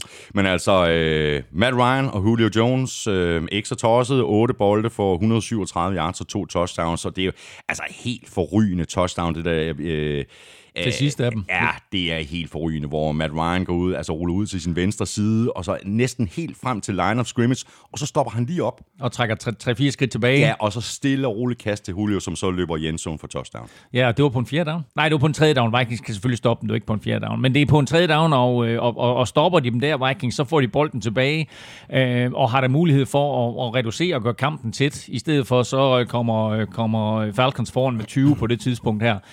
Øh, og, og ja, øh, Matt Ryan er jo ikke kendt som at være den mest atletiske quarterback og lave sådan nogle øh, trylletrik som det der, men øh, han lokker altså lige Vikings forsvar til sig, øh, inklusiv den cornerback, som, øh, som skal dække Julio Jones op. Jeg tror, det var Cam Dansler, rookie cornerbacken, øh, og han falder ned, og Julio Jones griber bolden, og så er der øh, ja, en motorvej til endzonen for ham. Men i øvrigt, med hensyn til de her, med, med Cam Dansler og i det hele taget Vikings øh, secondary, altså øh, cornerback-situationen, fordi safety-situationen er jo fint besat med Anthony Harris og, øh, og øh, hvad hedder han... Øh, øh Harrison, hvad hedder han fornavn? Harrison Smith, hvad hedder hans fornavn? hedder Smith til efternavn. Harrison Smith for pokker. Uh, men på cornerback-positionen, der går Mike Hughes ud med en skade, og Mike Hughes var, var den eneste tilbageværende, der sådan havde en, bare en lille bitte smule erfaring. Fordi det ender altså med, at Vikings kun har tre cornerbacks til rådighed i den her kamp, og alle tre er rookie corners. Og øh, der må man sige, det udnyttede Matt Ryan til fulde med øh, kast, især til Calvin Ridley og Julio Jones med flere. Men, øh, men det, det er altså det nye look øh, Vikings, det her. Og det er selvfølgelig et generationsskifte, man har vidst, at man foretog.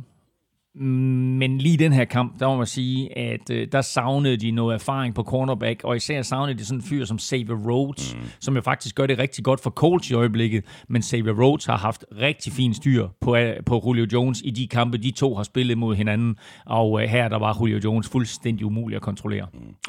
Og øh, Raheem Morris, han har jo overtaget som øh, midlertidig head coach efter Dan Quinn, øh, og det var jo ikke kun angrebet, der sådan så mere inspireret ud i den her kamp, end Falcons ellers har set ud øh, i, i de foregående kampe. Det gjorde øh, forsvaret også. Og jeg har faktisk et spørgsmål omkring øh, Simmer øh, fra en af vores gode lyttere, Andreas Lundgaard. Hvornår sætter I Mike Simmer på jeres liste over truede trænere?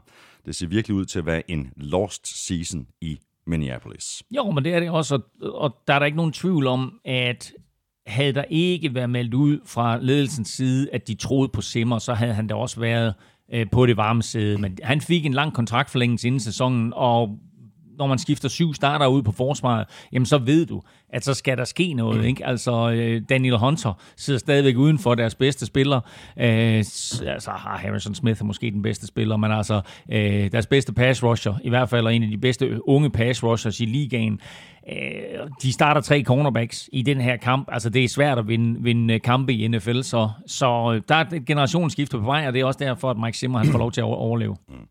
Og Vikings er altså 1 og 5, og de er gået på øh, deres bye week. Falcons de er også 1 og 5, og de får besøg af Lions.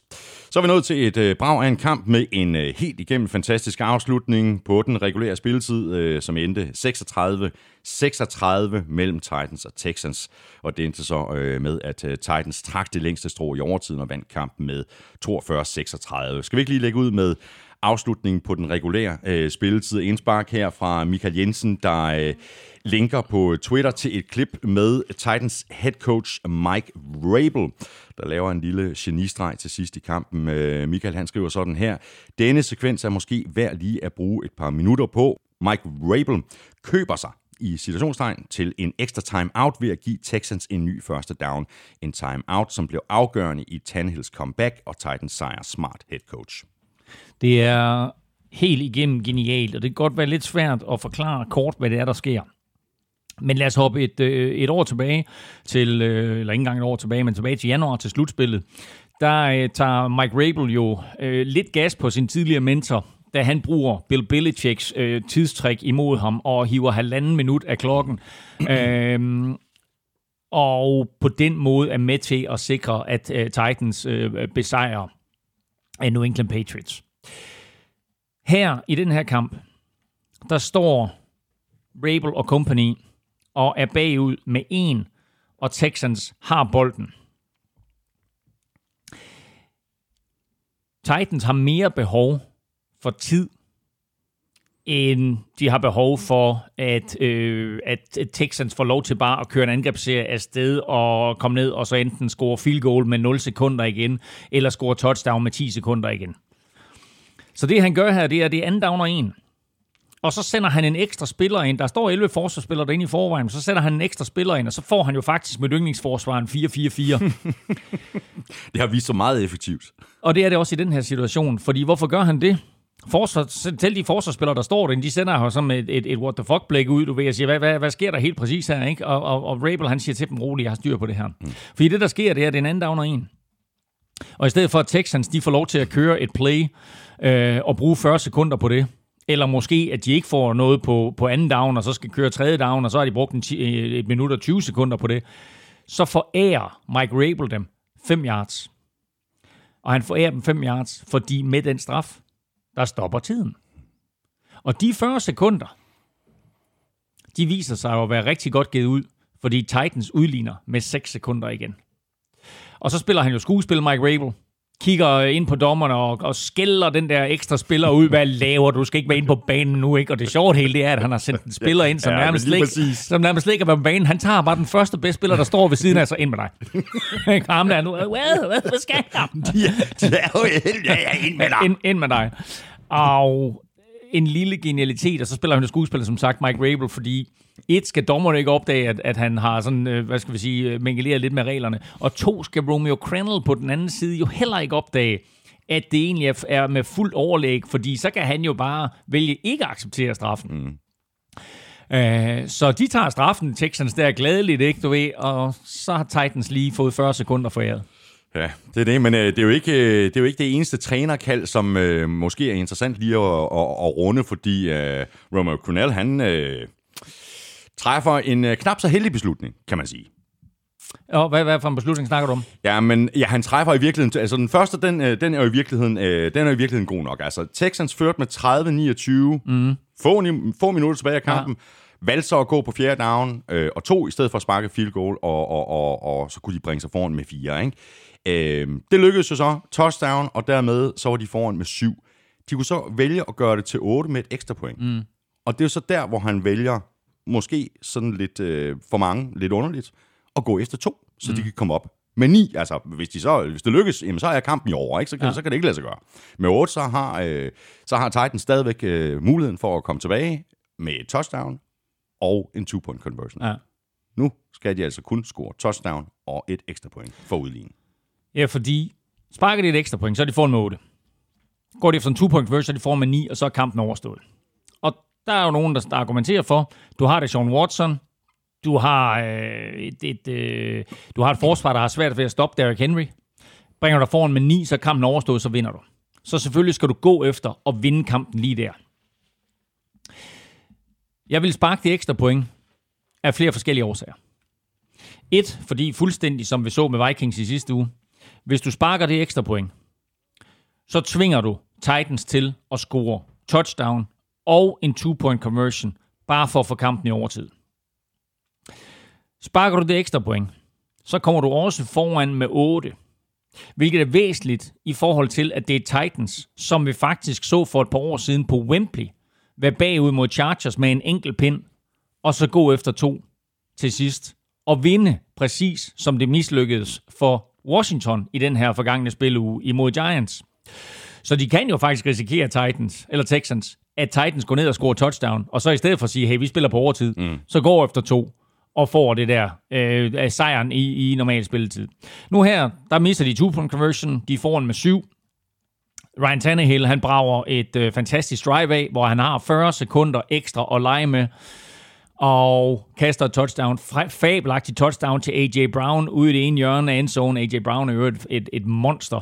Øhm, men øh, Og, det, var- og det var spændende, ikke? Fordi det var et touchdown, man lige var nødt til at se igennem nogle gange, øh, før at... Øh, jeg er, ikke sikker, at jeg, er ikke er sikker på, at jeg stadigvæk synes, den er der. Nej, men det er jo så der, hvor, øh, hvor det er sådan i NFL, jamen det var spillet på banen, Ja. og der var så ikke nok bevis til at, øh, at omgøre kendelsen. Spillet var kaldt som touchdown, og der var ikke videomateriale nok til at om, omstøde kendelsen, men jeg er ikke nødvendigvis sikker på, at han havde begge fødder nede. Mm. Det, det er så hvad det er. Den er kaldt som touchdown, og så vælger de at sparke et ekstra point til kampen i overtime.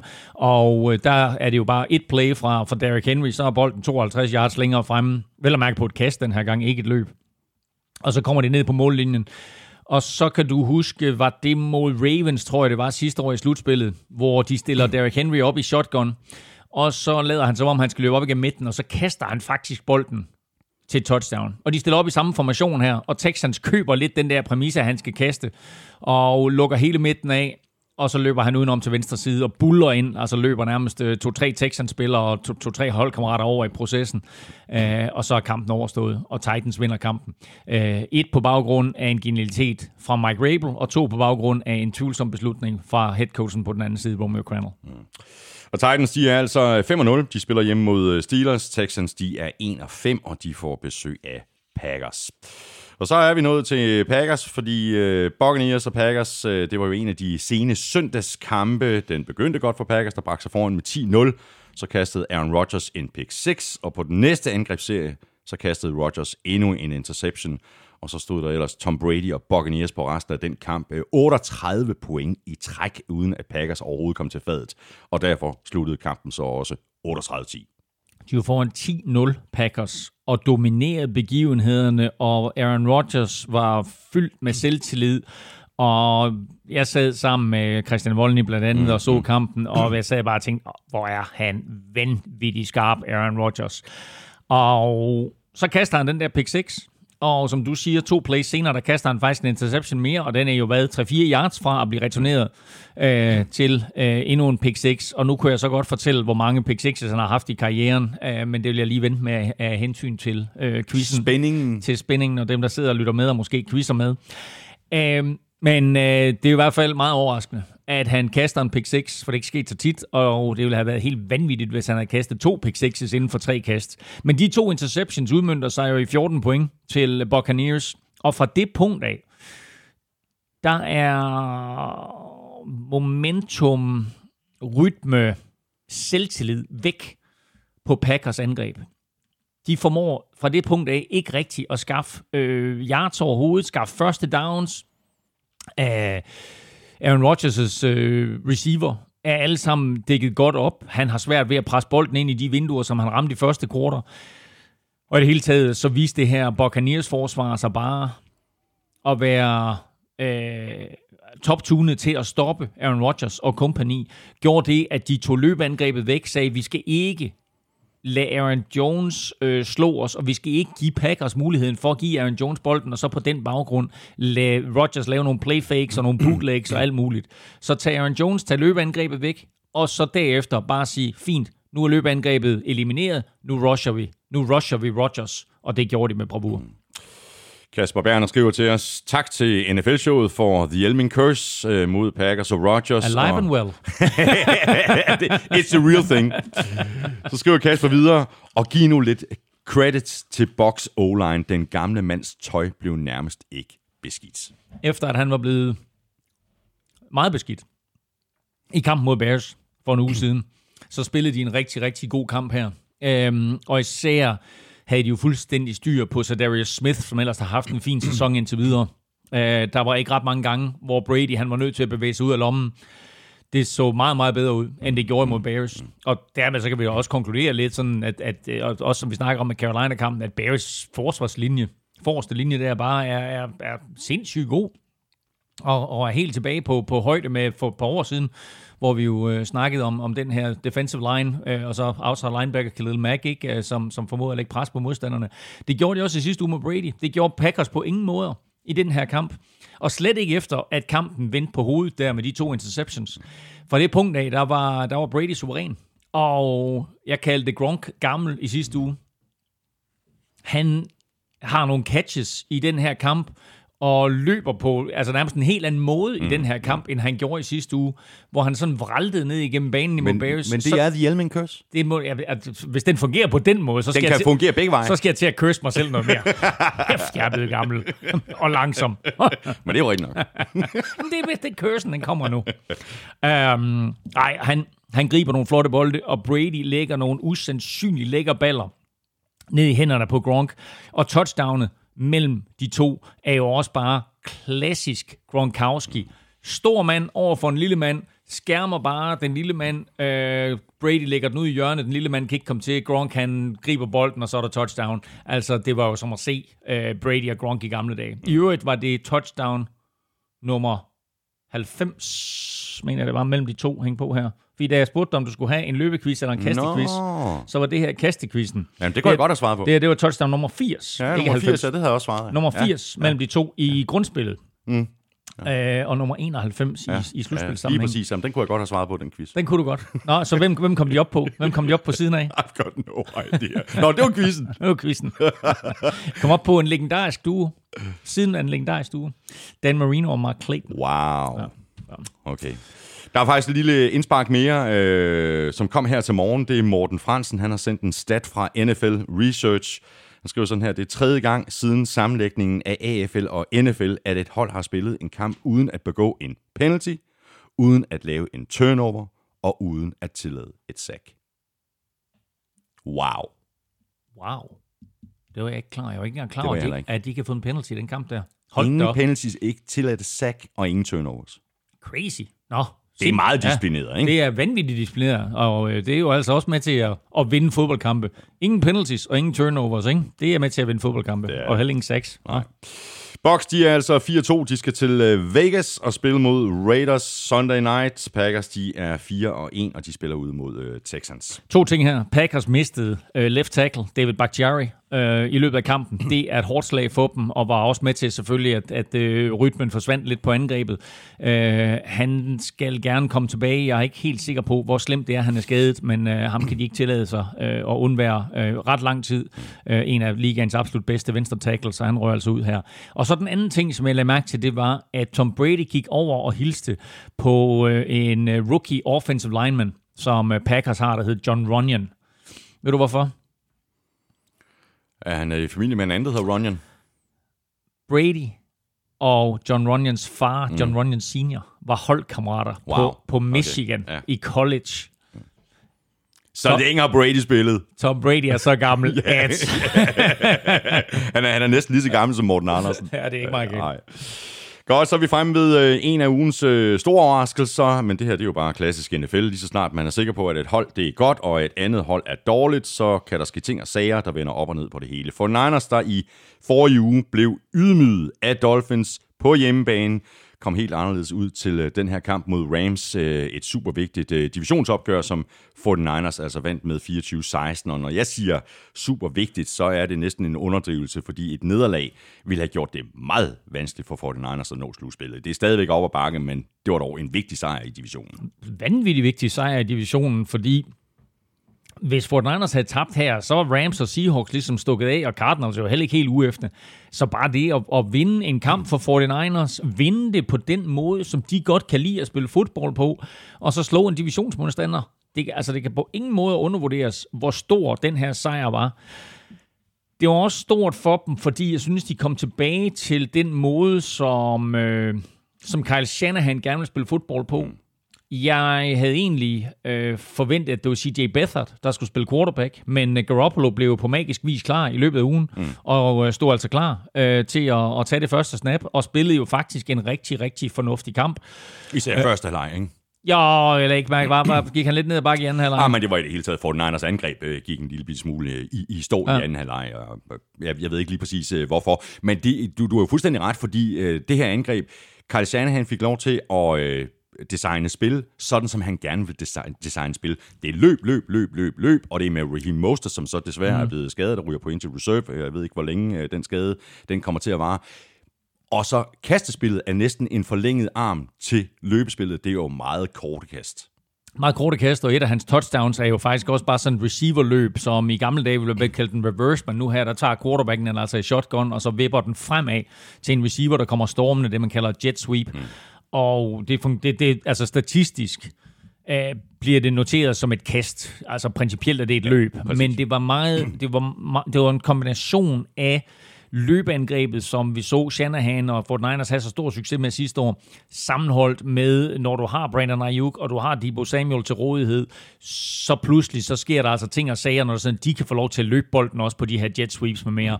Så det var hele den der kombination, og det fik Rams til at stå sådan lidt på det forkerte ben, som du siger, i hvert fald i første halvleg, hvor 49ers bare kørte op og ned ad banen. Øh, og så forsvarsmæssigt, øh, var 49ers også bare et helt andet sted, mm. end de var ugen inden imod Miami. Ja, men øh, det, det hjælper at, at, at have nogle starter på banen, i stedet for at have, have nogen på, på banen, som du har samlet op mere eller mindre. Men hvad var det? Med, altså, havde de, de havde fået en, en cornerback klar, eller hvad var det for Mo, Mosley var tilbage. Ja. Og så Verrett, som i øvrigt måske Jason også... Verrett var som, tilbage. Som, hvad det hedder, også må være i spil til at kunne blive comeback player of the year. Var det og hans, han har haft så for, mange skader. Det var hans første kamp i år? Det, nej, øh, nej, han har været inde. Han har også været inde okay. øh, tidligere, men det hjalp så at få Mosley over på den anden side. Ja, ja. Okay, jamen det er klart, det giver dem jo en, en cornerback-duo af en helt anden kaliber. Ja, ja. Øh, men Jason Reddick, altså den, den, den glimte mand, fantastisk spiller i, i så mange år, der har været så pladet af skader. Ja. Og lige når han kommer tilbage, så får han en langtidsskade igen. Øh, imponerende faktisk. Han, han laver en interception den her kamp, ja, gør han, ikke? Jo, det gør han. Så nå, jamen, øh, velkommen, velkommen hjem, ven. Mm-hmm. Spørgsmål her fra øh, Philip Bonnet. Øh, har vi overvurderet Rams? Når vi ser på, hvilke hold de har slået, så er det kun holdene fra NFC East, de har slået, som er den dårligste division igen i 2020. Og det er jo også crazy at tænke på, ikke, at de øh, her seks spiluger inde i sæsonen, der har de mødt alle fire hold fra NFC East og slået dem alle fire øh, forholdsvis komfortabelt. Jeg tror, var det, der var et af... Ah, Cowboys havde lidt problemer med i spil U1, og var det også Washington, de havde lidt udfordringer med. Men, øh, men de, altså, de er 4-0 imod dem, og så, øh, og så er de tabt, eller vundet over 49ers, og, og hvem var det, var det Cardinals, de slog, hvem var det, de slog? Øh, nej, det er selvfølgelig, ja, nej, det kan jeg ikke lige huske. Øh, nej, hvem er det, de har tabt? De tabte til 49ers. Og jeg, så, jeg sidder, jeg sidder og røvler. Jeg sidder røvler. De har vundet de fire år NFC East. Lige præcis, og så har de tabt to. Den ene, det var 49ers, så hvem, hvem er den anden, de har tabt til? Var det Saints? Øh, Nå, ja, det, det, det, det, det keder jeg ikke lige kan huske. Nå, jeg kan, ja, det kan jeg da heller ikke huske. Jeg, jeg kan lige tage det her. Nå, men du kan stille næste spørgsmål, så tjekker jeg det op på Ja, men øh, bum, bum, bum, jeg ved faktisk ikke, om jeg har så forfærdeligt meget øh, mere til den her kamp. Jo, vi kan da i hvert fald notere, at 49ers offensive linje også så øh, langt, langt bedre ud i den her kamp, end, øh, end den har gjort øh, tidligere på sæsonen. Og der, altså, de står jo over for en, for en mand, der hedder Aaron Donald. Han kommer stort set ikke til fadet i den her kamp. Nej, det gør han ikke, og det er rimelig imponerende. Altså til betragtning af, hvor god han har været, så, øh, så har de faktisk rigtig godt styr på Aaron Donald. Det lagde jeg også godt mærke til. Det er, det er Buffalo, ah. de har tabt til. Så, øh, så, så lidt, lidt, lidt interessant der, at, øh, at de altså har tabt til 49ers og til Buffalo, som må betragtes som, som mandskaber. I hvert fald Buffalo, der med stor sandsynlighed kommer i slutspillet. Nu må vi se, hvordan 49ers de kommer videre. Men øh, man har altså fire sejre over NFC East. Mm. Rams, de er altså 4-2. De spiller hjemme mod Bears Monday Night. 49ers, de er nu 3-3, og de skal til øh, New England og spille mod Patriots. Og vi havde jo begge to øh, Patriots i øh, picks. Øh, du nævnte det faktisk, da vi sad og talte om det, Elming, at øh, ja, ja, altså, vi skulle lige være opmærksom på, at, øh, at det ikke var sikkert, at Cam øh, ville spille, og at det godt kunne være, at Broncos havde Drew Lock øh, tilbage. Cam spillede, og Drew Lock var tilbage. Dagens mand i skysovs var Broncos kicker Brandon McManus, der stod for alle 18 point, som Broncos satte på tavlen i deres øh, noget overraskende 18-12 sejr ud over Patriots. Og det var selvfølgelig også derfor, at vi øh, nominerede Brandon McManus øh, til ugens spiller. Naturligvis, øh, og det lignede lige på et tidspunkt, at han måske skulle op og sparke 7 eller 8 eller 9 field goals. Rekorden i NFL tilhører jo Rob Baronis øh, med 8 field goals i en enkelt kamp.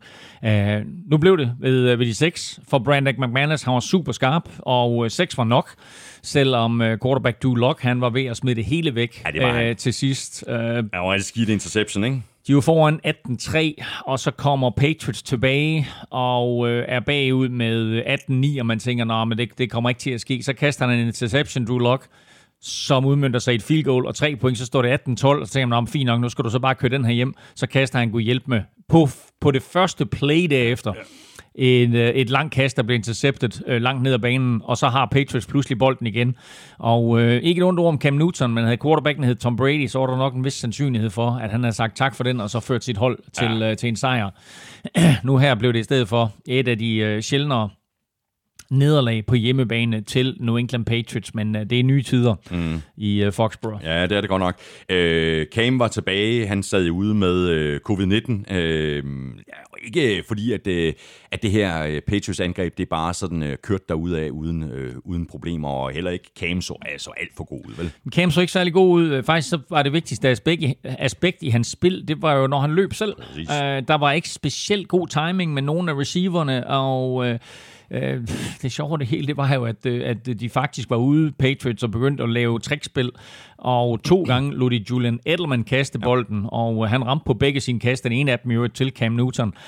Uh, og det siger, altså normalt så ved vi godt, at, at Josh McDaniels han kan finde på at hive trickspil op af posten, men han føler sig virkelig tvunget til her at grave dybt og hive flere trickspil uh, op af posen. Og lige lidt hjalp det. Uh, de kunne altså uh, generelt ikke få, få gang i, i spillet, og Cam Newton var også under tung pres. Altså man kunne godt se, at den her offensiv linje efterhånden mangler et hav af startere. Øh, og det betød bare, at, at der kom altså pres rundt om hjørnet. Øh, ingen Von Miller for, for Broncos, som er ude hele sæsonen, men Bradley Chop havde en god kamp, og der var altså flere andre spillere. Øh, Sylvester Williams øh, var derinde, og, og der var flere andre spillere, som, som virkelig gjorde det godt på forsvaret for Broncos. Og Broncos, de er 2 og 3, de spiller hjemme mod Chiefs. Patriots, de er også 2 og 3, og de øh, får altså besøg af, af 49ers. Så har du en uh, ting mere? Ja, jeg har faktisk et par ting, men, uh, men den, den, jeg lige vil fremhæve, det er, at Drew Lock jo rent faktisk, og viser også, hvor, hvor, hvor godt styr Belichick altid har på unge quarterbacks. Drew Lock blev faktisk med sine 23 år den yngste quarterback, der nogensinde har vundet en kamp på uh, Gillette Stadium. Wow. Ja. Det var god at, at, at få med den her lille ja, ja, Så det var, det var godt for Broncos, at, ja. at de havde ham med os. Mm. Så er vi fremme ved øh, rundens to sidste øh, kampe. Vi lægger ud med Bills og Chiefs, to hold, der øh, før den her kamp begge var 4 og 1, og som jo begge lige havde tabt deres forudgående kampe. Nu er Chiefs så 5 og 1 efter, at de slog Bills på udebane, og det gjorde de med 26-17. Og det blev jo ikke det her shootout, som mange havde forventet, at det ville blive, men øh, sådan er det også, når det regner. Altså regn, apropos nu havde vi et spørgsmål i sidste uge omkring, hvilken indflydelse regn har på spillet, og det så man her, fordi det her det var to øh, hold, som, hvor vi normalt ville have set frem til et shootout mellem øh, Josh Allen og Patrick Mahomes, så blev det de to holds løbeangreb, der kom til at afgøre den her kamp. Hvilket hold løb den bedst? Mm. Og det gjorde Chiefs ja. i det meste af kampen, og i og med, at de så løb den bedst, så endte det så også med, at Patrick Mahomes udspillede øh, Josh Allen rent kastemæssigt også. Uh, Josh Allen havde virkelig svært ved at få det til at fungere mm. i regnen. Og han havde jo heller ikke noget løbespil og læne sig Præcis, op præcis jo. Øhm, de forsøgte øh, at, at, at have nogle sporadiske tiltag. Der, deres, deres bedste løb på angrebet kom faktisk fra Josh Allen selv, hvor, som vi sagde i starten, så havde Clyde edwards en helt igennem forrygende kamp. Uh, hvad endte han på? Han endte på... Han, han løb bolden 161, 6, 161 yards ja. på 26 løb. Ja, og, og 161 yards af ham. Chiefs havde 245 yards løb. Det er mest siden Mahomes han overtog som starter i 2017, og, det, og, og de 46 gange, de løb bolden, det er mest Chiefs har løbet bolden i de 8 år, Andy Reid har været head coach for mm, dem. Mm. Så det viser lidt omkring forholdene og så videre. Og det viser også noget om den, øh, den måde, som Chiefs godt kan spille fodbold på. Altså, det er jo, øh, det er jo vigtigt, at det, at det hele ikke bare ligger over ved, ved Patrick Mahomes. Okay, men det er fint. Nu har vi fået den her rookie running back, øh, som kan vise sig at, at blive et rigtig, rigtig vigtigt øh, våben for Chiefs i den her sæson. Og nu får de oven i købet Le'Veon Bell, som også kan, kan lave tullerier i, i kastespillet. Og Daryl Williams havde et par rigtig gode løb, det, ja. inklusive touchdown. Ja. Den offensive linje har jo mistet Khaled Semley, som de ellers var sindssygt glade for at få ind, og så har de jo så i stedet Mike Remmers, som faktisk har spillet både tackle og guard i ligaen, og også spillet tackle og guard. I den her kamp her startede, startede kampen på, øh, på venstre øh, guard, men da så Mitchell Schwartz han bliver skadet øh, i kampen, den her stærke højre tackle, som Chiefs har, der ryger Mike Remmers derover at spille. Så øh, igen vigtigt, at det sådan, at man har de her spillere, som du kan sætte ind i, i nødsituationer. Øhm, nu, vi glemte jo lige at bare lige kort og runde Hjalte der før med Patriots, ikke? Altså som sagt, som vi også sagde i starten, han kom ind og gjorde det rigtig, mm. rigtig godt øh, for Patriots, øh, og kom ind også, fordi der var en skade, og han gjorde det også godt her. Øh, Chiefs øh, uanfægtet, at de mister Mitchell Schwartz, øh, forhåbentlig ikke for alt for længe, fordi han er en vigtig brik for deres offensive linje, så får de altså rykket lidt rundt, og øh, Mike Remmers gør det, gør det super fint, og de kan løbe bolden hele dagen på Bills. Af to årsager vil jeg sige. Et, øh, Bills havde åbenbart et eller andet med, øh, at øh, trænerstaben havde ikke været tilfreds med den defensive linje, så de har valgt simpelthen at bænke to af de faste startere, og så køre to nye spillere ind. Og jeg er ikke sikker på, at det var den rigtige kamp at gøre det i. Der kunne man godt tænke sig lige at sige, okay, nu er det Chiefs, vi spiller mod. Men uh, der skulle åbenbart sendes et signal, og, og sendes et signal med en telefonspæl. Uh, øh, så uh, det blev gjort her, og det betød, at Chiefs havde forholdsvis nemt ved at løbe bolden, og overraskende nemt også, altså tage betragtning af, at det her, det var en regnværspræget kamp så kunne man jo godt forestille sig, at Bills havde pakket line of scrimmage mm. lidt mere, og så sagt, I får simpelthen ikke lov til at løbe bolden på os. I må, I må, I må komme ud og kaste den i det her vejr, og så se, hvad det er. Men Bills havde en lidt anden approach rent defensivt, at de sagde, vi vil ikke tillade, at Mahomes han kommer til at slå os. Så vi kører fire mand op foran. Meget, meget sjældent kommer vi med en femte mand i noget pass rush, men trækker tilbage og dækker op. Og det gav jo egentlig bonus i første halvleg. De var bagud 13-10 ved pausen, og så er det ligesom om i anden halvleg, der kunne de ikke, øh, der kunne de ikke følge med længere. Chiefs kommer foran med 20-10. Uh, øh, I øvrigt, så var de jo meget, meget tæt på at udligne kort før pausen, Bills på sådan noget, noget hvor, hvor de helt Øh, øh, de får bolden tilbage på en Jason Kelce, eller en Travis Kelce fumble, og, øh, og får faktisk muligheden for at sparke et field goal, og så brænder, så det kunne godt have stået 13-13 ved pausen. I stedet for så står det så 13-10. Chiefs får bolden tilbage, kommer foran 20-10, og fra det punkt af, der kan Bills ikke rigtig vinde kampen længere, fordi de har ikke evnerne til at komme tilbage. Øh, de er faktisk med, øh, og får det også reduceret øh, i, i den her kamp her. Øh, så den... Øh, den, den, den er sådan set tæt nok, men hvis du ser statistisk på det, og du ser på effektiviteten af de to quarterbacks, så var Chiefs forholdsvis ja. overlegne. Ja. To nederlag i træk til uh, Bills. Uh, nu er det med at bevare roen, eller det modsatte? Uh, jeg vil sige, Bills er jo den helt store taber i hele det her coronakaos. Fordi Bills jo står i en situation, hvor de bliver sådan lidt kastebold, fordi Titans har dummet sig med, med, de her, med det her corona, og har været lemfældige med deres øh, omgang med, med, med, med smittede øh, spillere og folk, der har været i berøring med smittede personer. Fordi Bills står i en situation i sidste uge, hvor de ikke ved, hvornår de skal spille, men skal spille mod Chiefs om torsdagen. Så de er jo gået i gang med at, med at forberede sig mod Chiefs, så pludselig så skal de spille mod Titans om tirsdagen, og så bliver øh, Chiefs-kampen rykket til mandag. Og Chiefs har jo, øh, hvad sagde de over, eller spillede de søndag, eller hvad skete der? Øh, nej, de spillede mandag også i sidste uge, ikke? Øh, så det ender jo faktisk med, at Bills er nødt til at forberede sig på to mandskaber, og får en dag eller to mindre til at forberede sig til Chiefs-kampen, end Chiefs har haft. Så altså helt store taber i det her spil blev jo sådan set Bills. De går ud, og så bliver de kørt midt over af Titans, så de taber også til, til, til, til Chiefs. Og altså, jeg siger ikke, at de havde vundet de her kampe, men de kunne nok godt have gjort en bedre figur. Øh, blev ikke nødvendigvis hjulpet af vejret heller ikke i, i den her Chiefs-kamp. Men øh, det er jo sådan lidt urimeligt at det er Titans, der, der virkelig, virkelig har dummet sig, og det er Bills, der kommer til at betale prisen for det. Nu skal de selvfølgelig op på hesten igen. Mm. Og, og det kommer de så også i, i den kommende spilrunde, det gør for de. Der, der møder de Jets. Der møder de Jets, og så mener jeg faktisk, de har Patriots ugen efter. Ikke? Oh, det er spændende. Og, og det er jo klart, at det er jo den kamp, som alle ser frem til. Og, og det bliver jo sindssygt afgørende. Og lige nu ikke, der må vi sige, at der virker, der virker styrkeforhold som om, at Bills er klart bedre mandskab. Men du ved også bare, at Bill Belichick, han har sat et kryds i kalenderen, og så sagt, den der, det er altså en af de afgørende kampe.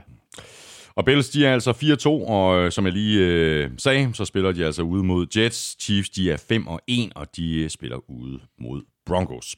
Så mangler vi bare øh, Cowboys Cardinals. Du havde Cardinals i picks. Jeg tog Cowboys, og det gjorde jeg, fordi jeg havde en eller anden fornemmelse af, at øh, holdet ville samle sig og vise øh, styrke efter den her skade til øh, Dak Prescott i, øh, i sidste uge. Sådan gik det så ikke. Kyler Murray og company vandt med 38-10 i Dallas. Og det var øh, forholdsvis klart, at øh, Cowboys uden Dak skulle løbe bolden. Det var så ikke øh, den helt store succes. Øh, Ezekiel Elliott, han fumblede to gange. Og det hører til de absolute sjældenheder. Det er første gang nogensinde, han fumbler to gange i samme kamp. Og øh, han har aldrig fumblet mere end øh, fire gange i løbet af en sæson. Det har han gjort i indeværende sæson nu. Så der er et eller andet sådan... Øh, der er et eller andet galt med Ezekiel Elliott, og et eller andet galt med Cowboys i det hele taget. Og det hjælper jo så heller ikke, at deres forsvar jo slet ikke kan stoppe øh, nogen som helst. Øh, deres forsvar har tilladt øh, rekord mange point. Øh, her efter seks kampe, der er de tilladt 218 point. Det er altså flest i NFL siden Washington Redskins i 1954 Wow. med 223. Hvor efterlader det her øh, Cowboys? Altså, de er jo stadigvæk med i divisionen. De fører divisionen. De 2 og 4, de fører divisionen. Men øh, med den her indsats, og Dak er ude, og jeg troede, de ville samle sig omkring øh, Andy Dalton, og Andy Dalton, det var heller ikke super duper øh, godt i den her kamp, vel? Så øh, hvor efterlader det Cowboys det her?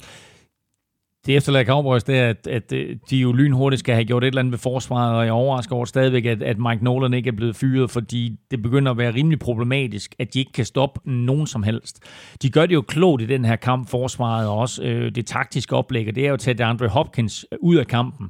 Og det betyder jo faktisk også, at Kyler Murray til tider er decideret elendig, fordi han har haft en tendens til at kigge meget til DeAndre Hopkins. Og det er jo faktisk først, at han begynder at kigge i andre retninger, at angrebsspillet åbner sig op for Cardinals. Og de gjorde det så i anden kvartal.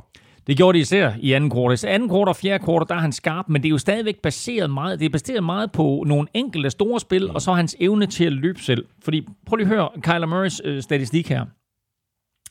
Han er, øh, nu skal jeg lige se her, for jeg skrev det ned. Han er 9 for 24.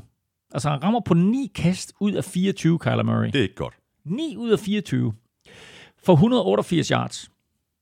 Ud af de 188 yards, der kommer de 140 på to kast. Mm. Et på, øh, et på 70, og, nej, et på 80, og, øh, og et på 60 til DeAndre Hopkins og til øh, Christian Kirk. Det vil sige, at han har 48 yards til sammen på, si, på sine syv andre completions. Eller du kan også sige det på en anden måde. Han har 48 yards på de 22 andre kast, han fyrer af. Det er helt crazy. Når du har sådan nogle statistikker, så bør modstanderne jo vinde. Han har selvfølgelig nogle gode løb. Øh, der er også et par lange løb fra Cardinals, som, som øh, jo øh, helt tydeligt udstiller, hvor ringe det her Cowboys forsvar er. Og det er grunden til, at Cowboys de faktisk ikke har en chance i den her kamp. To interceptions af Andy Dalton, to fumbles af Ezekiel Elliott, og så et forsvar, der ikke kan stoppe nogen som helst. Det, der har du årsagen til, at, øh, at Cowboys tabte den her kamp, og får de ikke styr på det, så kommer de ikke til at vinde uh, NFC East. Og det er jo helt crazy at tænke på, at på trods af, at de er 2 og 4, så fører de NFC East stadigvæk. Det er godt nok øh, fuldstændig øh, vildt. Altså. Og så spiller de, øh, de spiller ud mod øh, Washington, og det er selvfølgelig en, øh, en kamp, som øh, er bare, det er bare en must-win-kamp, hvis, øh, hvis Cowboys skal, skal blive inde i kampen i divisionen. Ja. Og der spiller de mod en af de bedste defensive linjer overhovedet ja. i NFL. Og Zach Martin går ud af den her kamp for Dallas Cowboys, altså deres helt igennem suveræne højre guard. Mm. Og det betyder nu, at nu har de en af de fem oprindelige starter tilbage på den her linje. Den linje, som startede sæsonen, der har de en ud af de fem tilbage. Og øh, det er ikke skide gode nyheder for Andy Dalton, når han står derinde, eller i Elliott, når han skal løbe bolden, at de skal spille mod et Washington-mandskab, som, altså, som øh, har måske den bedste defensive linje uh, overhovedet i NFL. Fem første runde picks på den der linje, inklusive Chase Young, der er kommet ind i ligaen i år. Ikke? De er altså 2 og 4, de spiller ud med Washington Cowboys, og Cardinals de er 4 og 2, og de får besøg af Seahawks. Der har du nogle ting mere? Ja, bare lige en sidste lille sjov statistik, og det er Kyler Murray, fordi han er jo fra Texas, øh, og øh, har spillet high school football i Texas. Og han har spillet syv gange nu på AT&T Stadium. Uh, han er 7-0 derinde. Uh, han har spillet high school, vundet uh, de seks kampe, han spillede derinde. Han har spillet college football, vundet uh, den ene kamp, han vandt derinde, der vandt han uh, Big 12-mesterskabet. Og nu i sin første NFL-kamp, der har han altså også vundet på AT&T Stadium, så han kan godt lide at spille der. Ja. Hermed er vi altså vel igennem 6. spillerunde, og det betyder, at vi kigger frem mod uge 7 lige om øh, ganske kort. Først der skal vi lige omkring dit øh, momentometer. Elming, har du styr på din øh, top 3? Det er jo først i morgen, at, øh, at du lægger det op, eller måske allerede i aften? Ja, øh, jeg må indrømme, at jeg ikke helt har styr på det. Jeg tror... Jeg går ud af fra, at Packers øh, falder noget i, i Packers, ry, Packers ryger nok fra 1 til 4. Jeg vil tro, at øh, top 3 ser sådan her ud. Øh, Seahawks, Ravens, Chiefs. Det er ikke, jeg har ikke helt lagt mig fast på det nu. Øh, I sidste uge, der rykkede jeg jo Packers op på førstepladsen, uden at de spillede, mm. og det er lidt det samme, det ser ud til, at der sker for Seahawks i den her uge. Mm. Hele momentometeret finder du øh, det samme sted, som øh, det plejer at ligge, og det er selvfølgelig inde på øh, gulklud.dk. Vi skal have quizzen! Åh. Det er tid til quiz, quiz, quiz, quiz, quiz. Nu skal vi have nogle øh, svar i quizzerne, der jo bliver præsenteret i samarbejde med TyCube. Dit game day måltid. Sådan, den sidder lige i skabet. Det er sådan, vi gør det. Sådan. Bups, øh, det er mig, der svarer først, er det ikke? Do it. Uh, Derrick Henry. Løb 200 yards. Han har gjort det tre år i træk. Yes. Um, Raheem Mostert gjorde det faktisk i slutspillet sidste år. Men Yes. hvem er den sidste spiller, ud over Derrick Henry, der har gjort det i grundspillet? Nick Chop. Nej. Oh, nu begynder du at sidde. Nu har jeg- nu- nu, nu- nu, nu, fordi du simpelthen forventer. Jeg har sat, jeg sat en finger op, du ved, så jeg ser bare, hvor mange bud Thomas han kommer med. Det var et bud, ja. Leonard Fournette. Hvordan hiver du Leonard Fournette frem? Det er rigtigt. Nej. Jeg er så lettet, mand, fordi nu troede, jeg skulle til at sidde og fyre 15 Jeg navne af, tror, ikke? jeg tror seriøst, at jeg var kommet igennem 32 spillere, hvis ikke flere, før jeg havde taget Leonard Fournette. Det er fuldstændig rigtigt. Leonard Fournette, han havde 225 yards imod Texans sidste år. Okay, jamen, øh... Ej, men han havde da flere, flere gode... Okay, jeg, jeg, han havde flere gode kampe. Ja, ja, det, Leonard jamen, Fournette. altså, jamen altså, når, når det lige rammer ham, så er han jo vild, men, Ja, det er bare, det. Men, men jeg tænker bare, man har glemt ham lidt. Så ja. ej, det er stærkt, Thomas. Han, han kom lige til mig. Au, au, au, au. Så skal vi have Armstrong Stick Quiz, og den, øh, det ved du godt, fordi altså, øh, hvor mange pick sixes har Aaron Rodgers kastet i sin karriere? Det er mange. Nej, han har kastet to imod Tampa Bay Buccaneers, og så en ud over det. Så Ja, det var den tredje, tre. det var den tredje han kastede her i weekenden. Han har kastet 7.000 kast i NFL ja. i sin karriere. 16 sæsoner. 16 sæsoner. Og øh, Tre pick sixes. han har kun kastet tre pick six. Altså bare lige til sammenligning, så øh, er Drew Brees op på omkring 30 eller sådan noget. Ikke? Det var faktisk et af bonusspørgsmålene fra, øh, fra Armstrong. Øh, Drew Brees, han har flest pick sixes af aktive quarterbacks ja. Med 27. Med 27, ja. ja. Knap 30. Så hvem har flest i karrieren? Brett Favre. Præcis. Ja. Med, ved du hvor mange? Øh, hvor mange kaste? Han kastede han 78 eller sådan noget. Ej, pick sixes. Ja. Ej, det må være en... øh, Ej, er nej, nej. 31 31. Nå, ikke flere alligevel. Nej, Ah, okay, 31, okay. men det er Ah, også en- jeg det er også en ah, ikke? det er også vildt skud. 78! Det var bare- Godt. Øh, nå, men det, det slap de vel videre fint igennem. Det var da fantastisk. Ja, Ja. dejlig, dejlig Ja, quiz. meget Den her. Ja, dejlig. Så skal vi have sat vores picks til syvende spilrunde. Først så skal vi lige have lidt uh, input fra uh, Lukas Willumsen. Uh, han skriver sådan her. Claus fik formøblet sin føring i denne runde, da Thomas vandt med 9-7. Prøv lige at forestille dig, hvis Cowboys havde vundet, ikke? Stop dig selv. Prøv lige at forestille dig, hvis, hvis Carolina de havde slået Nej, nej, Bears. men det var den sidste. Nej, nej, fordi det lå jo, det lå jo fuldstændig... Øh, øh, du ved, i søndags, ikke? Så jeg var foran med Okay, tre. så, okay, så, ikke? okay, så, Jeg var den kamp, der bliver, så den kamp, der bliver spillet mandag, den tæller mere. Nej, nej, overhovedet ikke, men det var da, det var da sådan lidt presset, ikke? Jeg var ikke presset. Hvor pisse presset. Nå. Godt, jeg vandt med 9-7. Dermed så er det dødt løb efter seks spillerunder, hvor stillingen nu er 58-58. Claus har haft tre hold til at tabe alle sine kampe i picks i år. De to første, det er Jets og Washington Football Team. Hvilke hold er det tredje? Øh, jeg har haft til at tabe alle sine kampe i år. Mm. Jeg kan komme med lidt hjælp, fordi øh, Lukas han har skrevet øh, Ja. sådan tre punkter øh, Ja. med hjælp. Ikke? Ja. Øh, du har haft altså, det her hold til at tabe alle kampene mm, mm. i picks. Øh, hjælp nummer et. De har en winning record. Okay. Bears. Det er fuldstændig korrekt. det er fuldstændig korrekt. De to næste oplysninger var, at de er 5 og 1. Og sidste oplysning er, at de spiller i NFC North.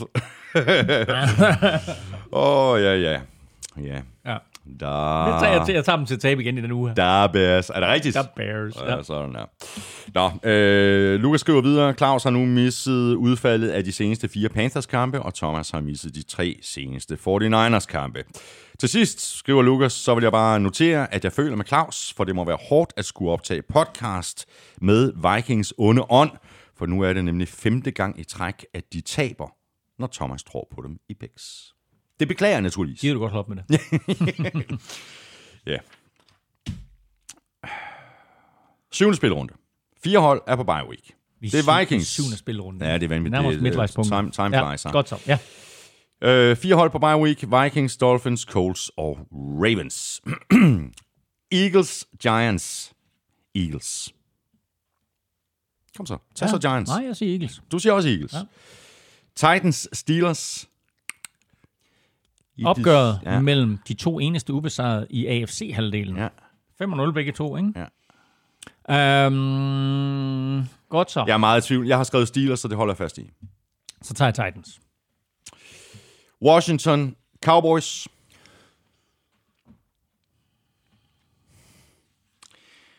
Jamen, du har lige sagt det. De har Ja. de har en rigtig, rigtig god... Jeg siger øh, Washington. Det, jeg har også Washington, men hold nu op, hvor jeg er i tvivl, fordi de har altså også Kyle Allen. Ja. Ja, du er ikke ah, fan nej, det er nej, jeg godt nok nej. ikke. Nej.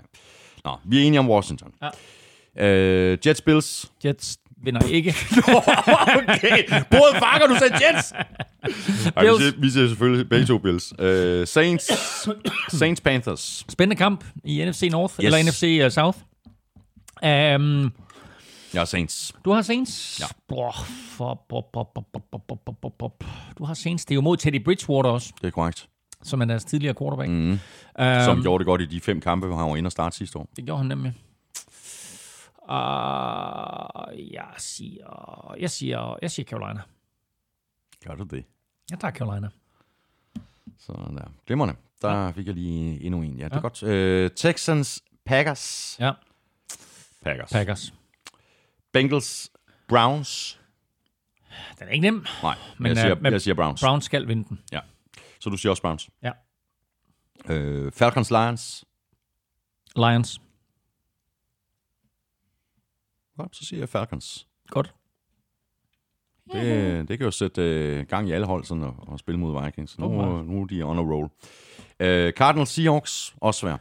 Men jeg siger Seahawks. Jeg siger også Seahawks. Chargers, Jaguars. Chargers. Chargers. Patriots, 49ers. For Niners. Jeg har også 49ers, men godt nok har meget, meget svært ja. Ved at se Patriots tabe to hjemmekampe i træk. Hvornår er det sidst sket? Er det ikke sket i Tom Brady-æren? Nej. Nej.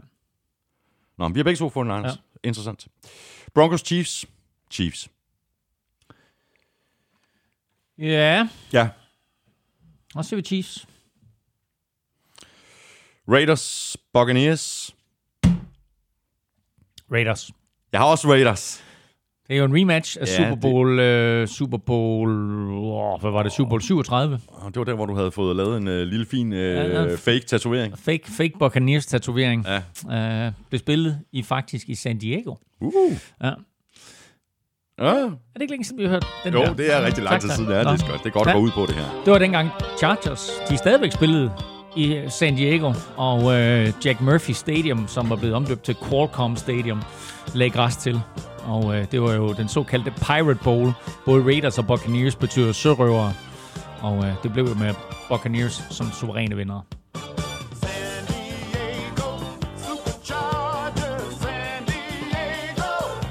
Chargers. Og det interessante er jo, hvem var uh, head coach for Buccaneers dengang? Hvem der var head coach for Buccaneers? Nå, for Buccaneers, Ja. det var John Gruden. Ja, præcis. Så Ja. nu er han jo så head coach for, uh, Raiders, for Raiders, Som hvor han, han- jo kom fra, før han blev han head coach. kom før. ind præcis. Exakt. Ja. Nå, det er meget interessant, men vi siger begge to Raiders. Ja. Øh, ja, men det, er- det, er meget, øh, det er meget interessant. Godt, jeg troede, du ville sige Buccaneers.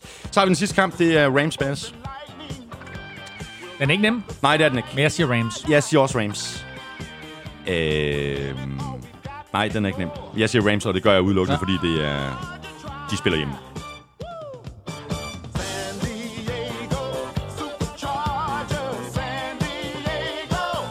Chargers!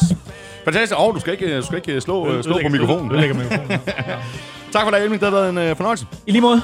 Øh, dejlig spiluge. Vi glæder os allerede til den næste. Det gør vi nemlig. Og øh, stor tak til dig, fordi du lyttede med. Øh, hvis du også synes, at det var en øh, fornøjelse, jamen, så kunne du overveje at stikke os en anmeldelse og nogle stjerner et af de steder, hvor det er muligt. For eksempel i øh, iTunes. Du er også mere end øh, velkommen til at støtte os på øh, tier.dk eller via det link, der ligger på nflshow.dk. Det giver dig samtidig chance for at vinde shows egne chips. Og de er altså rigtig gode, de her chili cheese og barbecue. Tusind tak til de 609 gode mennesker, der støtter os øh, lige nu. Også et kæmpe stort tak til vores øh, gode venner og samarbejdspartnere fra Tafel. Husk at støtte dem, de støtter nemlig os. Hvis du vil i øh, kontakt med os, øh, hvis du har spørgsmål eller kommentarer, så kan du gøre det på øh, Facebook og Twitter, og du kan også gøre det på mailsnablag.nflshowet.dk. Følg Mr. Elming på Twitter på snablag NFLming. Mig kan du følge på snablag Thomas Kvartrup. Tak for nu. Vi høres ved. NFL-showet er produceret af Kvartrup Media, der også producerer Born Unplugged, Danmarks største politiske podcast, som jeg laver sammen med politisk kommentator Lars Dier Mogensen. Vi er tilbage allerede på torsdag efter en lille efterårsferie. Elming og Velropa er som sædvanligt på den store klinge, og så er Elming og jeg ellers tilbage igen i næste uge med meget mere NFL-showet. Ha' det rigtig godt så længe. Hot out.